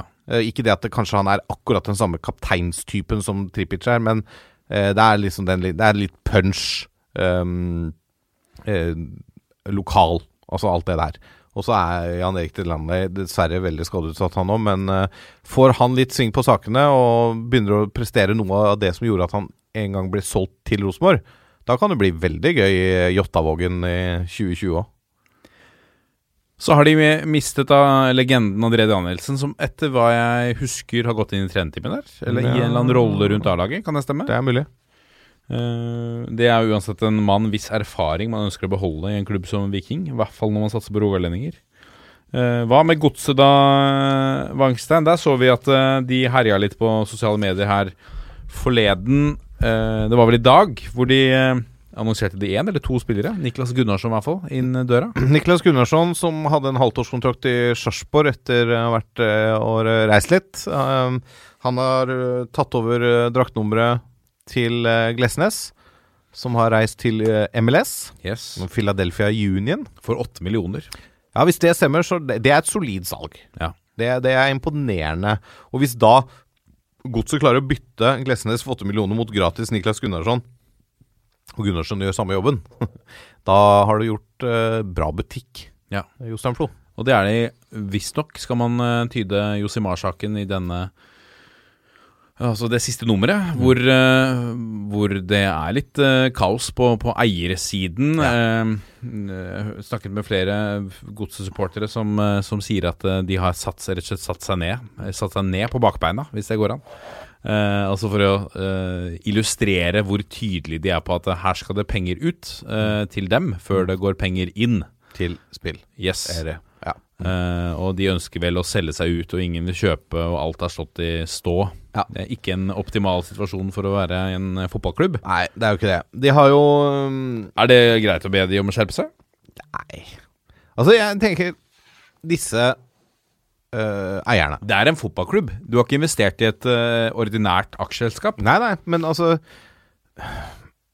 Jeg tror Altså, du ser jo flere steder nå, selvfølgelig på litt andre nivåer enn i Norge, at man klarer å drifte fotballklubber som business. At man klarer å tjene penger på det. Ikke sant? Gjøre verdien større. Nå sier jeg ikke at det nødvendigvis er så lett å få til i Eliteserien, men hvis det sitter en investorgruppe i Drammen som har spytta inn masse penger over flere år, og de nå har bestemt seg for at når kontrakten vår går ut etter årets sesong, så er ikke vi med mer. Og nå ønsker vi å realisere eh, og hente tilbake noen av investeringene våre. Da har ikke de så mye de skulle sagt, da. Og det tenker jeg, det må være greit. Altså, det, altså du, du, du driver jo ikke veldedighet heller. Altså Selv om kanskje mange fotballklubbeiere i Norge egentlig er det de gjør, driver veldedighet, så må folk også få lov å tenke på seg sjøl. Men det er klart Kanskje ikke eie en fotballklubb, da. Hvis du er keen på å Nei, det er jo for, for så vidt et poeng. Kanskje ikke eie en fotballklubb i Norge, i hvert fall. Nei. Det, det er helt Bli klart. med i Glazers. Ja, bli med i Glazers. Videre. Men det, det jeg skulle si, det er at De har gjort et stort arbeid her for å fornye stallen. Det har de. Eh, og de har kvitta seg sannsynligvis med noen forholdsvis høye lønnsposter. Mohammed Keita har jo forsvunnet til Saudi-Arabia. For å fylle på posen. Han skal fylle på posen. Han eh, skylder jo fortsatt en, noen penger til oppover i Trøndelagen. Det er riktig. Ei André. kasse pils. Nei, det er 10 000 kroner Ja, til veldedig formål. det var det selvfølgelig. Ja, stemmer det. Fordi han lovte jo at uh, Vålerenga skulle skåre flere mål enn Jeg tror han Rosenborg. skylder noen ei kasse pils også. Ja, det kan godt hende. Men uh, at han ikke har betalt for den der Helland-veddemålet, Ja. som skal gå til et veldedig formål, altså barneavdelingen på, på St. Olavs hospital Vet du hva, Det, det syns jeg er så flaut av Mohammed Keita. Ja. At det er nesten sånn livsvarig kaktus. Ta et Skjerp deg, du har nok penger til det der, Keita. Helt seriøst. I hvert fall Ja. nå, kanskje, i Ohod i men Saudi-Arabia. Ja, er allikevel 10 000 kroner for en eliteseriespiller som er i, i, i topp eh, Altså i øvre sjikt av lønns, eh, lønnskassa i uh, Strømsgodset, og har Ja. vært i utlandet og tjent masse penger, det, det har han råd til. Ja. Altså, du klarer å skrape sammen 10 000. Må tenke altså. litt på seg sjøl, vet du, Lasse. Ja, han tenker tydeligvis på seg sjøl. Martin Hansen, keeperen. Ja, Det var ikke så Ut. Nei. Veteranen. Martin Rønning Ovenstad er spent på om han signerer for Strømsgodset i løpet av våren. Ja. Han er en sånn svingdør, Ja, det er sant. og så plutselig er han litt innom Stabæk der, og så øh, Og sånn. Henning Hauger, eh, eldre type, eh, sannsynligvis tjent gode penger. eh, utgående kontrakt, naturlig at han ikke forlenger. Lars Sætra Ja, ikke sant. Det, det er, han er lokal gutt og alt det der, men uh, tror det også sikkert er greit for godset. Kristoffer Lindqvist er er også en sånn Ja, har vel ikke helt gjort det man hadde håpa og forventa. Han har vært en bredde. Vært, ja, ikke sant, det er akkurat det. Eh, Monir Hamoud legger opp. Både med han og Hauger så mister du erfaring, da, selvfølgelig. Ja, det gjør du. Så, og Hamoud har jo vært en sånn spiller du kunne bruke i alle posisjoner i Forsvaret, men ble mer og mer stoppet mot slutten. Men spilte jo ikke veldig mye og eh, begynner jo Ja, det viser seg det. Han har kommet i, til slutten av en fotballkarriere. Eh, Selina, ok. Eh, de andre, det er sånn Ja ja, ok. De, er, de er lånt ut og litt sånn. Så det som, men det er, det er jo noen spillere som fikk en del minutter i fjor, da, som, som blir borte derfra. Det er riktig. Ja, så Men jeg tror Jeg tror jo Jostein Flo og øh, Henrik Pedersen har ganske kontroll på det de holder på med. Ja. det, er- de, de skal hente no, De henter noen spillere som skal passe inn i hans måte å spille litt sånn høyoktanfotball på. Ja, Det er nok lurt. Det er Ja. en tanke bak det. De, Eh, det tror jeg. De tok jo noen sjanser her. Eh, i eh, fjor eh, før eh, seriestart, med en rekke signeringer som rett og slett var eh, Det passa jo ikke i klubben. Passa ikke i laget. Um, Funka ikke. La oss hoppe til uh, Stabæk. Der har også forsvunnet ut, må vi kunne si, uh, mye rutine. ja, det, Altså, hvis du legger sammen Daniel Bråten og Vadim Demidov, da får du mye rutine. det er sant. For ikke å glemme også Steinar Strømnes, som uh, har en del erfaring. Um, mm, Stortalentet Herman Gelmyden har forsvunnet til PSV. Ja. Det har, er en overgang som mange har gått og ventet på. Eh, I hvert fall at han forsvinner ut dørene. Ramon Giasa har gått til eh, Rops i eh, Finland. I Finland. Uh, Sindre Maurits Hansen har uh, Tidligere Asker-toppskårer. Var ikke han involvert i en sånn der Var det ikke Strømmen, da? Sammen med Jo, han var, han var i Strømmen, men han var jo i Asker før han gikk til Stabæk første gang. Ja. Da lurer jeg på om vi hadde han som en kandidat til en sånn derre årets Var det et av de første åra? Jeg lurer på om han blei spilt inn, i hvert fall. Ja. Han skåra bra med mål i, i Asker der. Sami Skytte også var bra på lån, syns jeg. Ja da, han var bra. Uh, går tilbake til Midtjylland der. Uh, så har de jo hentet inn en uh, liten haug. Uh, Fite Masemi, som man kjenner, var i, i Tromsø i Var det bare på høsten i fjor? Er høsten, ja. Lån, lån på høstsesongen og fikk fart på skåringssnittet sitt igjen. Ja, Etter å ha spilt med tidenes høyeste skuldre på inntil til. det stemmer. Det Altså, han var, det bare ville seg ikke for han i Vålerenga. Nei, han, Ja, han, skåra vel eh, i debuten for Tromsø, Ja, eller noe sånt. jo jo. Klart, klart han gjorde det. Eh, fått inn Mats Solheim, som er jo en profil Altså Her, her snakker vi en eliteserieprofil. Her eh, her snakker du en Instagram-profil For en legende på Instagram. i, i Sverige, i Hammarby. Ja, For de som ikke har sett, gå inn. Batt Solheim på Instagram. Følg han på Instagram. Det er Det, er høy, høy klasse. Ja, ja. Hvis du er glad i litt sånn humor og sleispark, så er det Det kan vi glede oss til, tror jeg, i år. Ja, hvis han Få fortsetter den trenden. Ja. Altså, det er en profil. Og Hvis han klarer å fortsette det Og så er han jo en anvendelig forsvarsspiller. Kan spille både stopper og back. Det er sant. Har rutine. Uh, vært i Hammarby nå i Vært med på mye der. Altså. Vært med på mye i Hammarby. Og spilt foran store publikumsmasser og i store kamper. Eh, det er en solid signering av Stabæk. Det er en sånn spiller jeg kunne tenke meg at Vålerenga egentlig skulle lukta på. Ja. Men eh, han, ble, han signerte jo i høst, lenge før sesongen var over. Ja, ja, ja. Will Donking fra Crystal Palace. Uh, Aldri hørt om. Ja, ikke heller. Duncan, Duncan, Donuts. Ja. Uh, og Peder Vogt, eller Vogt, hentet opp fra egen Junorsdal. juniorstall. Eh, Jesper Isaksen fra Kristiansund. Filip Valensic, som er hentet tilbake fra lån i Inter Turku. Ja. Oskar Aga var jo sendt på eh, Han er jo et stortalent. Sendt eh, eh, til eh, Grorud på lån, komme tilbake. Sikkert fått seg mye erfaring der i eh, den intense kampen de hadde om opprykk.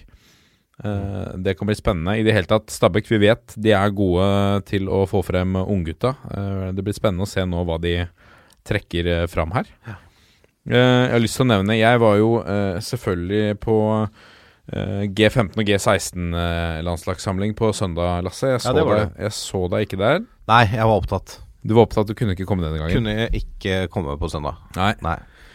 Fikk jeg å se. Det var, det var, det var ganske gøy, faktisk. Eh, Det var, eh, det var rød mot hvit. Altså det var jo eh, to eh, Det var jo eh, 20 mot 20, fikk jeg inntrykk av. Eh, eh, Med, med G15 og G16 rett før uttak til La Manga.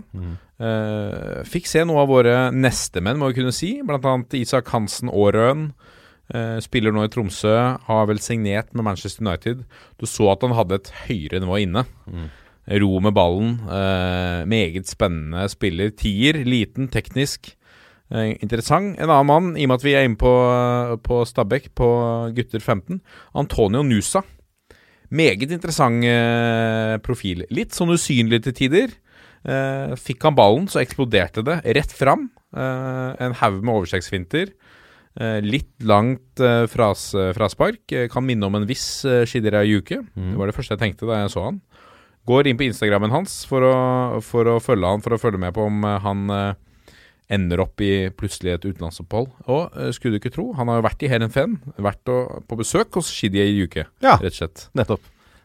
Tydeligvis en, en helt da for unge Antonio Nusa, som nå er uh, i Stabekk. Uh, og 15 år. er kanskje litt tidlig for godeste Nusa, men, uh, men Det spennende å følge med videre. da Absolutt. Ja.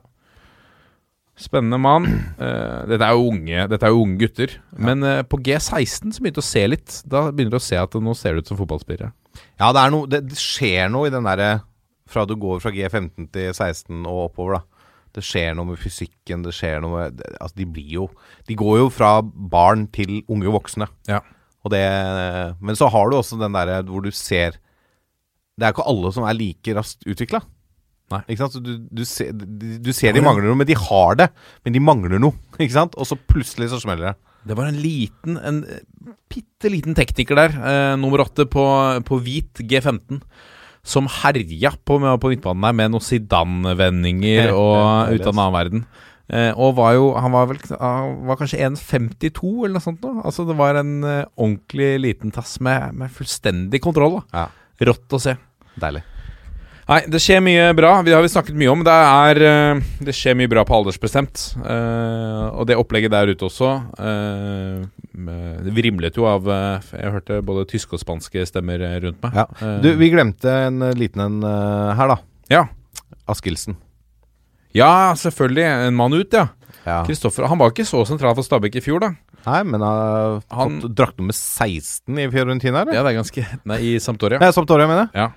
Eh, sammen med han ehm, Morten Thorsby. Morten Thorsby, ja. Ja. Med i troppen nå, mot Napoli i går. Ja, ja. Eh, satt på benken, riktignok. Det var nok eh, kanskje for å gi han eh, En kickstart. Gi han en kickstart, Jo, ja. men, Få litt erfaring. Jeg så de hadde Jeg vet ikke om det var De har mange på benken. Tolv mann på benken i Serie Det er litt å ta der, da. Det er jo helt rått. Det er muligheter for å komme i kamptropp da, si. Ja, men det er ikke så dumt grep i utgangspunktet, da. Det er jo noe eget å Ja, være du, kan, med i du kan jo ha egentlig dobbel dekning på alle plasser, da. Ja. Ikke sant? Ok, nå røyk høyrebekken. Da slipper du å flytte ned han sentrale midtbanespilleren på høyrebekk, og så flytte inn en kantspiller uh, i, i den sentrale rollen, og en ny kantspiller inn. Altså, det er lettere kanskje å gjøre bytter, da. Ja. Sånn spiller for spiller, posisjon for posisjon.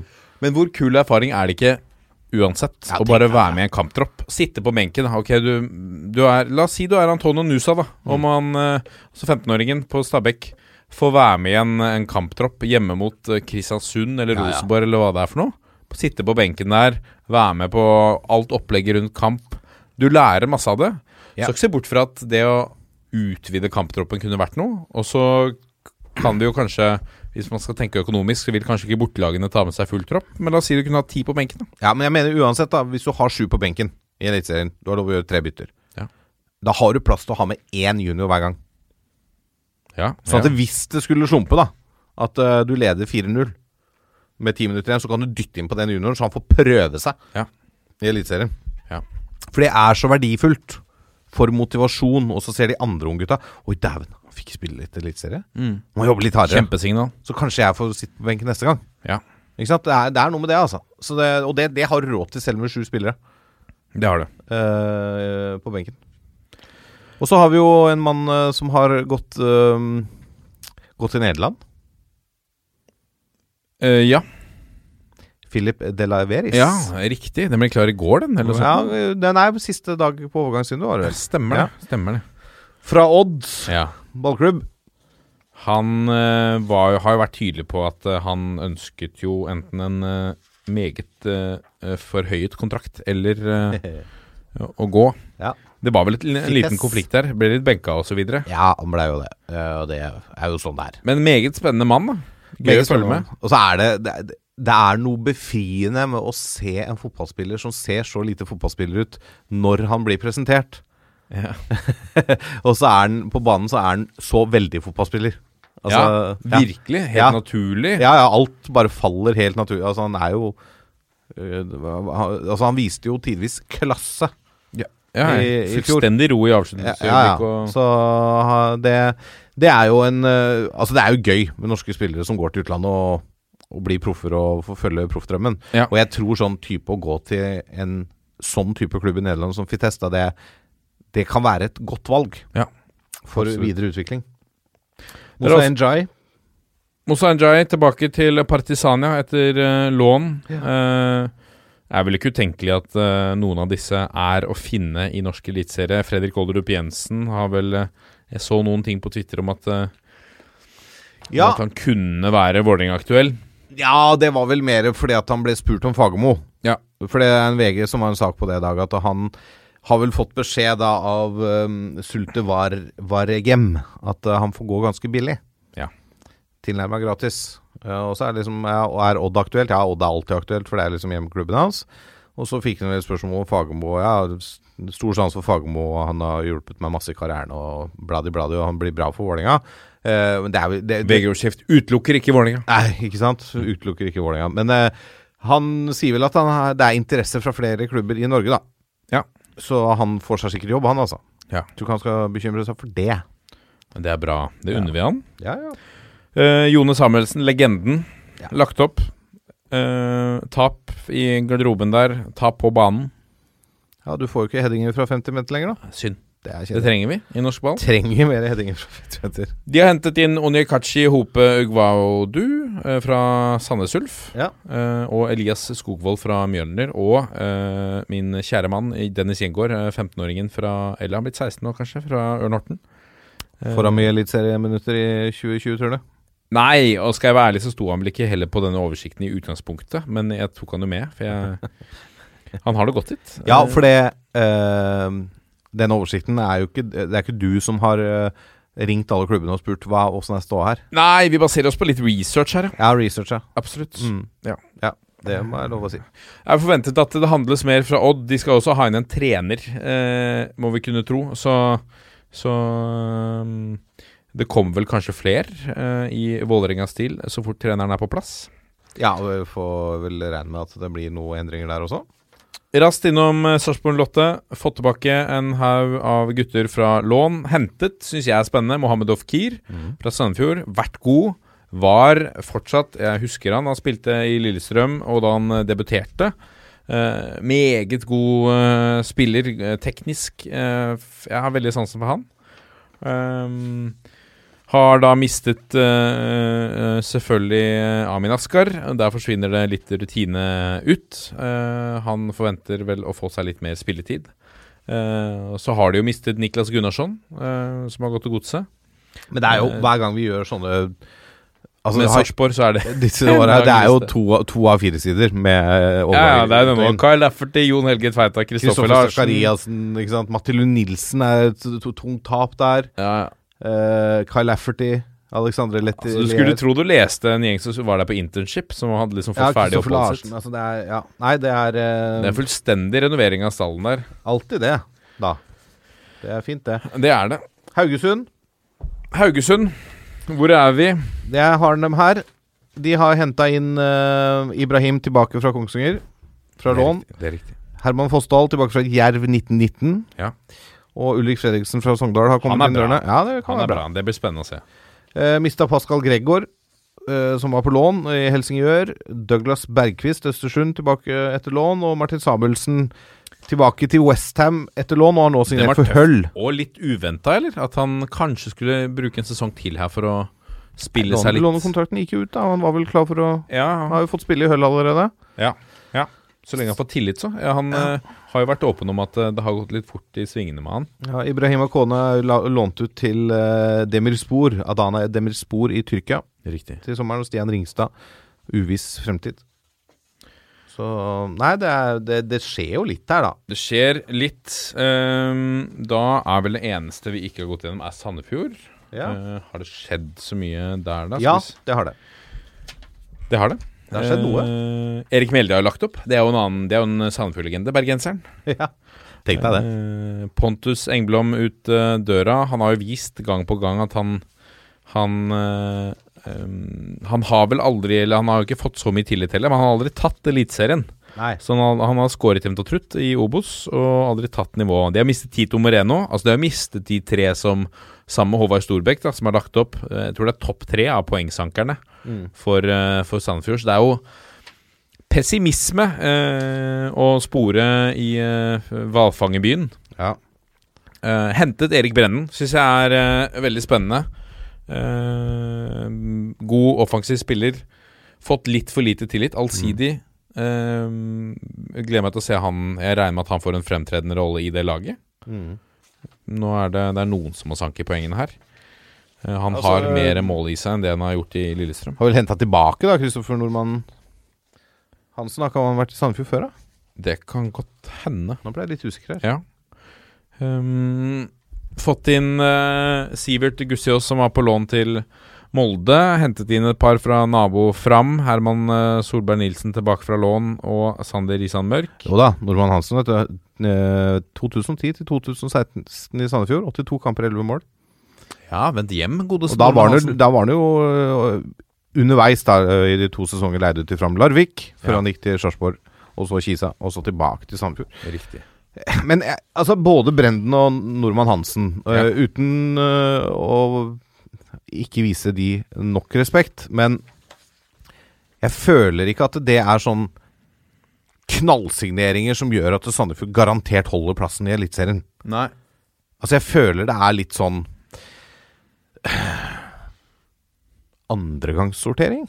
altså i forhold til Altså eh, Når du i- ser profilen de har mistet, til, Litt i forhold til hva de har mista. Altså, Ja. For all del øh, gjør gjerne at jeg tar feil, altså. Jeg, jeg tåler det, at jeg tar feil om, om de tingene her. Og det kan godt hende at de herjer og banker inn mål for Sandefjord øh, øh, neste sesong. Og i hvert fall garanterer at de gjør det mot Vålerenga etter jeg sitter og sier det her, da. Eh, men, eh, men, men det føles ikke ut som Altså, jeg føler Sandefjord trenger litt mer tyngde. Litt mer rutine, litt mer um, liksom, En sånn toppspiller, ja. Mm. For å på en måte ta det steget og, og bite seg fast i Eliteserien. Hvis ikke så blir det fort en veldig tung sesong i Hvalfangerbyen, tror jeg. Dessverre. Ja. Det blir ikke min far glad for å høre, men sånn er det. Vi står igjen med Start og Rosenborg. Eh, start hentet eh, Amund Vikne fra, fra Viking. Eirik Skjulse fra, fra Sogndal. Islendingen Gudmundur Andri Tryggvason, som er sønnen til Lasse. Eh, Trygve Gudmundsson Det er heter han vel, ja. Gamle Stabæk-spissen. Eh, gamle Stavik-spissen, ja. Ja. Blant annet. Og Tromsø var han vel innom òg? Ja. Ja. Det er litt eh, artig. Der tviholder de på den gamle tradisjonen. Ja, det er fint. Det er gøy. Liker det. Hentet eh, Isak Lidberg, kom tilbake fra Brommapokerne et, etter lån. Og så har de hentet av Henrik Gjesdal fra Kristiansund. Um, en annen islending har forsvunnet ut døra. Aron, eh, Aron Sigurdarsson til eh, Union Saint Gillois i, i Belgia. Perfekt fransk uttale der. Ja, du var Eh, flink, syns jeg. Rosenborg, da. Eh, kan starte med de som har forsvunnet. Eh, Jan Erik Delandli har, har vi vært eh, innom. Og David Akentola og Bjørn Mars Johnsen. Det er ikke ubetydelige navn sånn i norsk fotballsammenheng, men de har jo ikke spilt kanskje eh, en så stor rolle. Akentola har jo markert seg. Eh, hentet inn Kristoffer Sakariassen, som er en overgang han har ventet på sikkert i fire år. ja. uh, Men tenk, altså, tenk hvor fort det snur i fotball, da. ja. Det er ikke så lenge siden han kanskje kunne vært aktuell for å gå til utlandet for betydelig større summer enn han gikk til Rosenborg for nå, da. Nei, ikke sant? Og så fikk de den dippen, da, Sarpsborg. Ja, ja. Og så ble han uh, sank prisen hans litt. Ja. Erlend Dahl Reitan hentet inn. Spennende nå om de faktisk gir han litt tillit. da Det har jo vært snakk om å selge både Birger Meling og om Eggen Hedenstad er litt over det topp. Ja, det er jo én ting. Og så er det jo det at det har jo vært litt tynt besatt på backplass. Ja, de har brukt litt forskjellig der. Ja, Gjorde Jenic Ja, og sånn. ikke sant. Ja. Og det, det, så jeg tror ikke det er feil at uh, Eggen Hedenstad kanskje får en som pusher han litt. Mm. Og som kan gå inn og ta den rollen hvis Eggen Hedenstad er ute med skade eller karantene. da. Ja. Jeg tror um, Dahl Reitan er nok mye nærmere å spille øh, en del fotball for Rosenborg nå enn han var for to sesonger siden. da. Har bevist eh, kvaliteten sin da, i Glimt. Ja, ja, ja, for all del. Ja, Julian Failund hentet tilbake. Det er litt sånn er du, er du Hvor interessert er du egentlig i å være i en klubb hvor, du, hvor André Hansen er kollegaen din? Ja, nå blir han jo sannsynligvis da andrekeeper, siden uh, Arild Østbø har Ja. gått tilbake til Viking. Ja. Eh, Det er ikke bra for utviklingen til Failund, dette. Sitte på benken oppå der. Nei, det er jo ikke det. Beviste jo i Mjøndalen at han klarer Eliteserien. Ja, han hadde flere kamper hvor han var meget uh, solid, han altså. Så Nei, det blir Det kan jo godt hende at de lukter på noe for lånt den ut en gang til, da. Ja. Veit jo aldri. Og så har de hentet Adino Islamovic, som skal, øh, som de sier, de skal øh, transformere til en ekte øh, Rosenborg-spiss. Det har vel vært en del kritiske røster knytta til hans ankomst. Han er, yeah. man mener han er for treg. Mener han ikke skårer nok. Det er riktig. Um, det blir jo interessant å se. Man har jo hørt øh, folk før uttale seg om at selv bestemora mi kunne bli toppskårer så lenge de spilte Rosenborg. Så vi får se om det er en påstand fortsatt står ved lag. Mm. I så fall så har eh, Islamovic gode sjanser her. Ja. Um, det var vel Nå tok vi faktisk alle klubbene, vi, Lasse. Var vel innom det meste. Det var vi. Har vi glemt noen, så beklager vi. Det er flere episoder i årets sesong, så have no fair. Dette er toppfotball. Da har vi kommet til litt spørsmål, og vi begynner med spørsmål fra vår kjære venn Nordlink86, som vil at vi skal diskutere Brann sin spillelogistikk. Nå har vi akkurat hatt en lang runde her, men, eh, men eh, han sier den er rimelig sjarbløs. Har satsa på eldre spillere i mange år og gir ikke lokale talenter kontrakt. Han det var vel han Mikael Maden som ble snappet opp nå av eh, Schalke. eh, og og Brann gikk glipp av 1,8 millioner i utdanningskompensasjon fordi de ikke, eh, sitat Bergens Tidende, ikke hadde lest reglene godt nok. Eh, så her har man gjort flere feil. Man har jo ikke gitt en proffkontrakt, som gjør at man har jo ikke krav på noen overgangssum. og tydeligvis også gjort feil knyttet til dette med utdanningskompensasjon. Ja, det er vel Og nå blir jeg helt sikkert arrestert, for nå husker jeg ikke dette på rams. Men det er et eller annet med at uh, du må i hvert fall ha gitt et tilbud Ja. om en kontrakt for at den utdanningskompensasjonen skal kicke inn. Ja. Altså, du må liksom gitt signaler og gitt et konkret tilbud om at hei, vi ønsker å signere deg på proffkontrakt. Så kan spilleren velge å si nei, men da, Er det utdanningskompensasjon? da skal det utdanningskompensasjon, for da har du gitt signaler på at du ønsker å beholde spilleren. Hvis det stemmer, så er det i så fall en generaltabbe. Ja, det er helt Så riktig. kan vi ikke drive i norsk ball. nå skal jeg ønske vi hadde Jørgen Kjernås her. Ja, han vet dette. Han vet det. Eh, Med det sagt, det er en del av spørsmålene denne uken også som går til Jørgen. Eh, Det skal vi spare på, så skal vi ta det når han er tilbake. Ja, han kunne dessverre ikke komme i dag. Det var eh, Det var sjukdom i heimen der. Ja, Basilusker i heimen. Nei, grusomt. Det er kjedelig. Sånn er det. Med Vi, små barn. det er små barn. Nei, eh, kjære Nordlink, det er jo det er ikke så mye annet å si enn at eh, dette er jo slurv, rett og slett. Ja. Reinspikka slurv. Det høres jo sånn ut. Ja. Penger rett ut av kassen. Eh, med det sagt så er det ikke sikkert at han kanskje hadde signert for Salke om de måtte ut med to millioner kroner. Nei, det er jo sant. For så vidt, da. Ja. Um, vi går videre til eh, Patrick P. Bjerkis, uh, min kjære venn fra Horten der. Han uh, har jo uh, Jeg skjønner hvor, hvor han skal med dette spørsmålet. Han lurer på hvor mye gleder Martin Roppestad seg til kickoff med Ørn Horten, og hvem i panelet ville passet best til en daglig leder ledige daglig lederstillingen i, i, i Horten der for Ørn. Jeg skal jo ned dit og være noe Intervjue noen gamle spillere. Kjell André Thu, husker du han?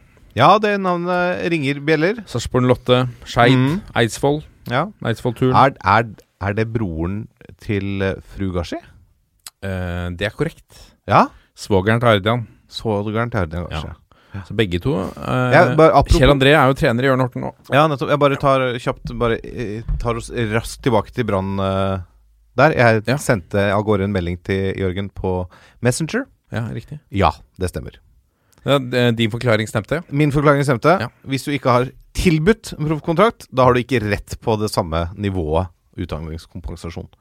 Så det er jo da bare å tilby kontrakt. Ja, sende mail til alle, da. Ja, men da må du jo Jo, men da, du kan jo fort eh, At noen risikere at noen sier ja. Selvfølgelig. Den uh, risikoen hadde jeg kanskje tatt for 1,8 millioner, eller? Ja.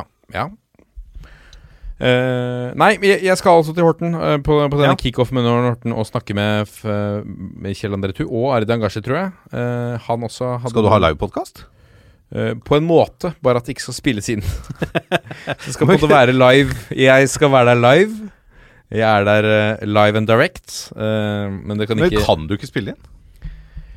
Eh, Liten Ørn Horten spesial i toppfotball her. Det er ikke så dumt, ser du. Det, det, det som er at det er ikke sikkert jeg får de saftigste historiene fra, fra Tu der. Jeg har litt skumle planer om å få litt uh, saftige historier på, Ah, men dette på kan du redigere bort. Ja, det er riktig. det er riktig Det som er morsomt, som jeg har lyst til å ta med, som jeg for så vidt delte i Jeg vil gjeste hos Våre beste menn, landslagspodkasten. Ja. Det vet jeg. En uh, historie der om Ardan Gashi, og hvor, hvordan det gikk til da han signerte for Ørn Horten. Han var i Molde på tidspunktet, ble fryst ut av Gunder Bengtsson, eh, humørsprederen i, i Molde der. Uh, kom, var i ferd med å legge opp, rett og slett, før uh, jeg tror uh, daværende Ørn-trener Kjetil Bani Christoffersen, tidligere Sandefjord-trener, kom over han, oppdaget han på en, et eller annet tidspunkt. fikk han til å bli med på en trening med Norton. Mm. Og var så bestemt at jeg tror han ville pantsette hus og det ene med det andre for at uh, Ardian skulle signere. Uh, Gashi var egentlig litt lei av fotball, ville legge opp. Jeg tror han var 23 år. Mm. Uh, stiftet godt bekjentskap til Kjetil Kristoffersen. Ble med i da Hortenshallen, innendørshallen, for å se på en innendørsturnering. Hvorpå han så Horten fotballklubb, uh, jenteklubben, uh, spille kamp. Og da eh, pekte han på en av spillerne, så sa han 'Skaffer du meg date med hun der?' så skal jeg signere. Og det var søstera til Kjell. Det var Aina Tu, er søsteren til Kjell Andrew, hans nåværende kone. Ja. Eh, han signerte, og de ble gift. Og har nå to barn, vel. Alina Gashi, datteren for øvrig, eh, på jente 15-landslaget, tror jeg. Ja, ser du. Det gror godt. Gror godt i Det blir jo gode gener, da, med Tugashi Kombo. Absolutt. Hedersmann. Ardian Gashi. Eh, hvem av oss ville Hvem i panelet ville passe best, passet best i daglig lederstillingen i Ørn Horten? Nei, der må jeg eh, Hvis jeg svarer først, og det gjør jeg, eh, da ville jeg jo sagt Martin Ropstad. Ja, men ser bort fra min tilknytning til Horten Nei, men jeg ville Se bort fra meg. De andre, da. De andre. Jeg tror du er den av oss, hvis du ser på vårt daglige virke, som er nærmest å kunne håndtere eh, økonomi og sånne ting i en Men hvis du ser bort fra meg, du må velge deg, oh, ja. Jørgen Kjernås eh, eller Vegard Bakkhaug. Eller Vegard Bakkhaug, eller eh, Profil X, som Eller Profil X. signerer i morgen. Ja. kan vi ta med Håvard Lilleheie? Du kan ta med Håvard. Ja. Ja, da sier jeg Håvard, for han kan spille en hvilken som helst rolle. Ja, penger inn i kassa der. Oh, Håvard Han hadde hadde ristet det lokale næringsliv. Ja, ja, de hadde det, Ja. Nei, det hadde blitt Håvard, Jeg ja. blitt Håvard, ja. Ja. Og rett inn der. Daglig leder. Kjør på den. Ja, eh, vi går videre. Apropos våre bestemenn. Jon Normann Olsen, selveste programlederen, eh, sier Odd har mistet eh, Fagermo. Eh, Bodø-Glimt selger nøkkelspillere. RBK er RBK, og Bland klager på alt. Er det egentlig noen som kan ta fra Molde seriegullet i 2020? Eh, ja, det, ja. Det, det, det kan jo det. Ja. Eh, men jeg, jeg tror ikke at noen gjør det. Kan Viking seile opp som en dark horse? Nei, jeg tror ikke det. Nei. Uh, jeg tror Viking skal være veldig fornøyd hvis de klarer å gjenskape 2019. Ja. Uh, jeg, jeg sier heller Med de siste signeringene, vil du ikke? Ja, men, men ja, de har mistet de Thorstvedt og Tripic. Ja, ikke sant. Um, Det er sant. Så jeg, jeg Nei, jeg tror Det kan jo hende at hvis Rosenborg plutselig klarer å trylle fram et eller annet, eller få han Islamovic til å være den toppskåreren de håper han skal være. Uh, men eh, Nei, jeg, jeg, hvis jeg måtte, hadde satt opp et tabelltips i dag, hvis jeg blei tvunget til å gjøre det i dag, så hadde Molde stått på eneren. Ja. ja. Det er ikke noe tvil om. Vegard Bjørgå eh, skriver Får smått vibes tilbake til midten av 2000-tallet. Fagermo og Vålerenga, Berisha-gate, Tripic og Thorstvedt-salg. Lars Arne Nilsen usikkerhet, eiersituasjonen i Drammen, signeringer i Bergen og Trondheim tidlig, Bakke og Stare og sikkert mer. Nydelig kok, sier han. Altså, det er jo Det, er jo, det har jo ikke Det har jo ikke skjedd lite. Eh, det har kanskje bare blitt skrevet for lite om det. Ja, nei, det har jo, det har jo som vi snakka om, tatt seg litt grann opp. Og Ja. det, er jo Det har jo vært litt deilig kok. Ja. Det er klart det at når, Det var bra kok i fjor også, med pyro der. Ja, ja, det, det kokte bra da. Det Ja. var varmt, det. Eh, men altså, når, når en klubb som Vålerenga skal ha ny trener, da blir det kok. Ja. Eh, Sarpsborg skulle ha ny trener plutselig, eh, fordi Geir Bakke valgte å gå ned et hakk. Eh, til Lillesund, Som, det, det tror jeg er en kjempesignering av Lillesund for øvrig. Eh, de, det var ikke så mye kok. Det, de bare Det, det virka nesten som Sarpsborg hadde en shortlist Ja. på kandidater. Det virka nesten som det var planlagt. Ja, ja det, det er jeg litt usikker på, men det var sånn Jeg tror timinga var god nå for Geir å, å finne på noe annet å gjøre. Uh, og da var den sikkert veldig god for Sarpsborg også. Det var litt rått i fjor.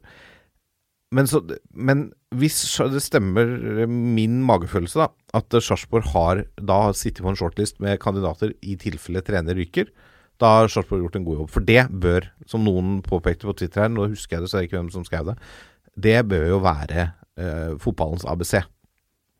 Selv om du har en trener på kontrakt i seks år, altså. Du alltid har en Du har en shortlist på kandidater du har lyst til å forhøre deg om. men som også passer. Ja, Som passer, selvfølgelig. Uh, og, og den lista kan jo oppdateres kontinuerlig, den, ut ifra forutsetninger. Ja. Men du, det bør du ha på uh, alle posisjoner og på trenerplass. Sånn at du ikke går i en måned eller to da før du finner den rette kandidaten og liksom går ut kjempebredt. altså hvis ryktene om Vålerenga stemmer, da. Liksom det er Tor Ole Skullerud Det er der ikke 100 kandidater. Ja, det var vel det. Men, 100. men ikke sant, du, altså av navnene vi har hørt, da Tor Ole Skullerud, Kjetil Knutsen, eh, Dag Eile Fagermo, Mikael Stare, som havna i Sarpsborg, som de tydeligvis kontakta kvelden før han skulle signere for Sarpsborg. Og da var han sannsynligvis enig med Sarpsborg allerede. Eh, det er liksom ikke noe rød tråd i type trener Lars Bohinen. Altså type trener-spillerfilosofi. Uh, men uh, ja, nei du Men de ser ser jo mye på navn på Valle også, vel. Gjør det overalt. Ja. Eh, det er ikke noen tvil om det.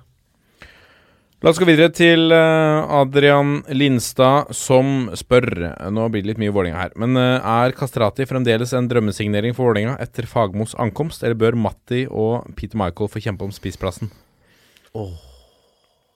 Ja, den er tøff. Det, det er et godt spørsmål. Ja. Uh, Fagermo er jo mye mer definert 4-3-3 enn Deila.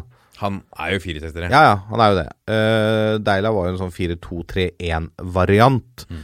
hvor Matti kunne spille tieren og Ikke sant? Uh, Matti Williamson passer jo inn. Han altså, passer som en midtspiss med gode innlegg. Ja. Liksom bare se hva Børven gjorde i fjor, da, i Odd. Mm. Han også er en midtspiss, målskårer, foran kassa. Mm. Skal dunke den inn, ikke sant? Eh, så det, det er ikke sikkert at det Kastrati Men allikevel så er det noe i meg som har lyst å se Kastrati i Vålerenga-tøy. Mm. På grunn av typen Altså sånn apropos Tripic, litt sånn typen han er på banen.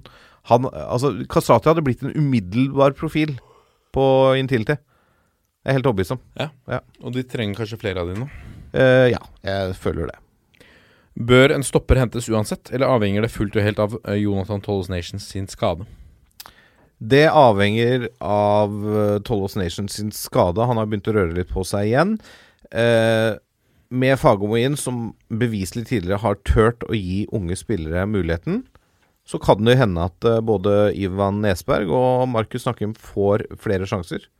Og da kanskje det holder med de to rutinerte i ledere Bjørdal og Tollås, og to yngre oppadgående, holdt jeg på å si, unggutter fra Oslo i Nesberg og Nakkim. Altså unge og unge, Ne- Nesberg er vel par og tjue nå, men det, det, kanskje det er stopper, øh, stopperparene, da, holdt jeg på å si. Eller Ja. alternativene. Ja. Mm.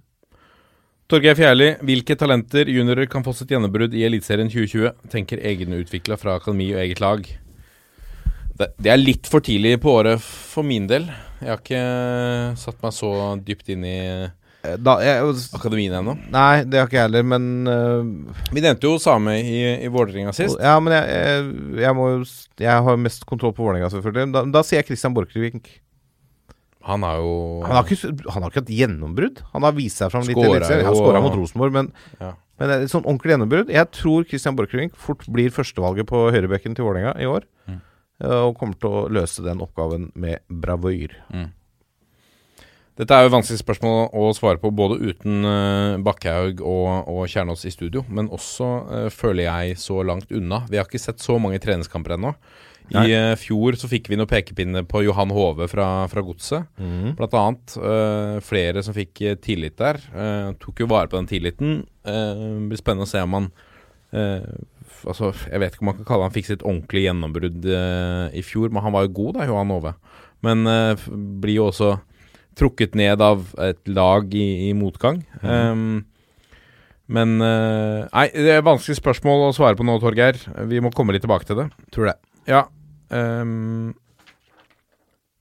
Adrian Lindstad igjen. Uh, dette var vi innom tidligere med dagens uttalelse fra Oldrup Jensen. Er dette en mann Vålerenga bør prøve å få på plass, eller holder det med lekvenn Abu til den dype rollen? Kan ta veldig kort på det, da. Vi har snakket mye om Vålerenga. Ja, øh... Vil du ha noe flere i den dype rollen, eller klarer du deg med lekvenn Abu? eh, altså Hvis Abu kommer opp på 28-nivå, så holder jo det lenge, det. Ja. Eh, men jeg er usikker. På om han, vi får han opp i det, på det, det nivået igjen. Nei, jeg, jeg, jeg er usikker. Sindre Taule Sandstå lurer på om Veton Men, men bare, ja, unnskyld. eh, men Oldrup Jensen er en fantastisk spiller, så jeg kunne godt tenkt meg å se, han i Vålerenga. Altså, sånn, Ja, ja. Uavhengig av de to andre. Ja. Så ja, takk, gjerne. Sindre Taule Sandstå, en eh, trofast eh, bidragsyter det også. Blir Veton Berisha i Viking en suksess? Nå har hun noe mast så mye. Det ville vært pinlig om det går åt skogen. Veton Berisha bør levere en enorm sesong for Viking i år. Ja, rett og slett. De har brukt masse penger på han. Ja. Syv millioner var det snakk om.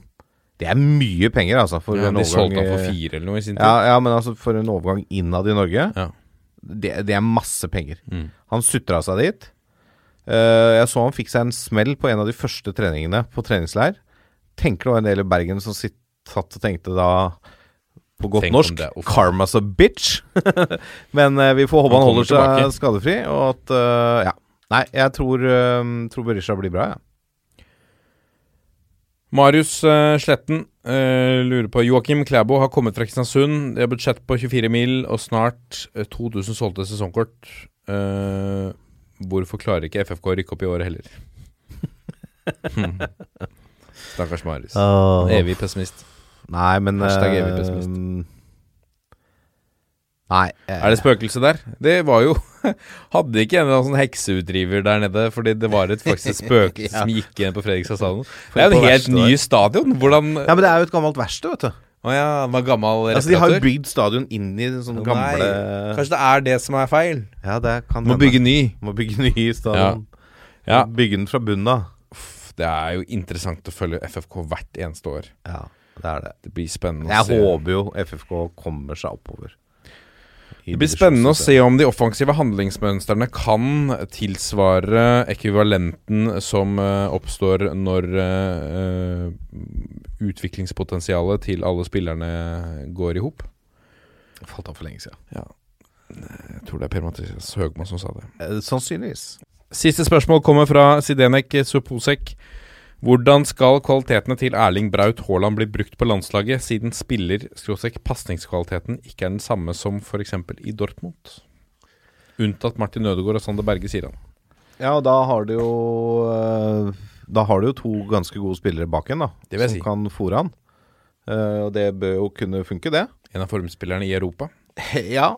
Eh, altså Det han holder på med, Braut Haaland om dagen, er jo helt fantastisk. Nå spiller han cupkamp i dag mot Werder Bremen og har skåra igjen. Han brukte 22 minutter riktignok etter han ble bytta inn. Eh, de ligger under 3-1. Men ehm, Nei, altså Hvis han klarer å holde på den skåringsformen, så er det bare å få mata ballen til han. Ja. Så får vi håpe han holder seg skadefri, så han ikke går glipp av nok en landslagssamling eh, med skade. Det har jo skjedd før. Eh, men jeg har, jeg har følelsen at Braut Haaland er en sånn type spiller som nå er i den formen at han kommer til å skåre uansett. Altså Han har jo vist i Molde at han klarer å skåre masse mål. Han har jo vist i Salzburg når han fikk eh, tidligere Han liksom brukte litt tid på å bli liksom i seg inn. At han skårer masse mål. Eh, det er jo bare Ronaldo og Messi som kan vise til de samme tallene i europafotballen siden sommeren. Ja, det var, så var det flere som sa noe at eh, um, Å, nå husker jeg, dette burde jeg huske, men, men som sa at Ronaldo, Messi, en rekke andre av dagens store stjerner som ikke var på hans nivå som 19-åringer. Det er helt unikt. Ja. Den appetitten nå for skåringer. Ja, det er, det er helt enormt. Så mm, Nei, altså vi, må bare, vi må bare utnytte det eh, i positiv forstand for alt det er verdt på det landslaget. Mm. Altså bare eh, brøyte den på det laget. Eh, om det blir samme King eller om det blir samme Sørloth, som også scorer bra med mål i Tyrkia nå. Det Er oppe i 18 skåringer, tror jeg, på 19 kamper. Ja. Det er solid, altså. Det er fin mann å sette inn, eh, men de er jo Ja. ehm, de er jo samtidig litt like. Jo, jo, men øh, Ja, nei, men det er Altså, vi har Det er mye bra nå Ja. i øh, norsk fotball. Uh, Ayer spiller fast i Celtic fortsatt og gjør det godt der. Ja. Moi Elunussi har vært skada nå. øh, stått over 15 kamper vel siden før jul, men er nå tilbake igjen og skal spille i morgen, tror jeg. Uh, han er viktig å få på beina, ikke sant. Uh, nå har Markus Henriksen bytta klubb, får håpe han får spille der. Eh, Nei, altså det, det, det, det er ikke sikkert at det blir At vi går igjen Nations League-finalespillet nå, og nå går til det mesterskapet. Men eh, når du ser på alle disse unggutta Norge har nå, så er det jo er muligheter. Ja. Her er det muligheter. Altså. Her er det muligheter. Vi gleder oss. Det er vel Er det 13. mars? Nei, det er slutten av mars, er det kanskje? Uh, 25. mars eller noe sånt nå, Ja, det er vel noe sånt, ja. Ja. ja. Mm.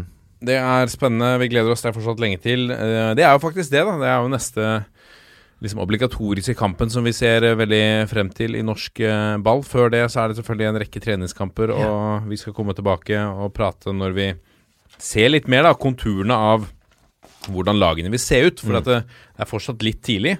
Ja. Uh, men vi har jo begynt å se uh, altså litt hvordan lagene ser ut. Man begynner å se litt tendenser. Mm. Det det blir, er det blir spennende å se hva en del av de eh, potensielt store klubbene gjør nå inn mot seriestart. Ja, for det er fortsatt hull i stallen. Ja, jeg føler det er huller flere steder, både i Bergen og kanskje til og med litt i Stavanger, i, hvert fall i Trondheim. Ja.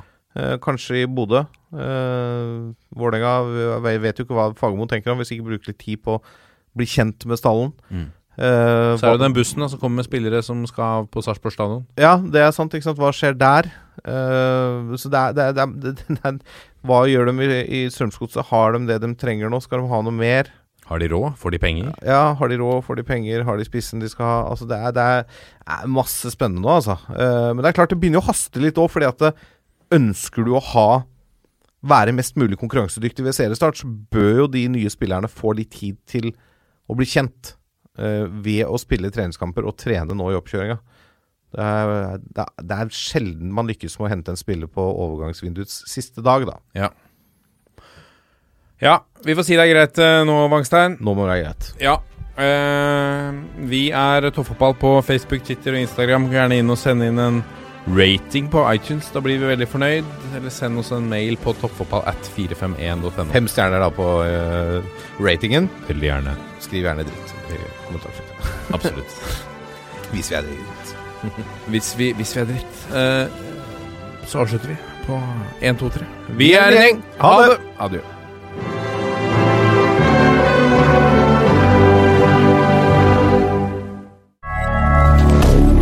Moderne media.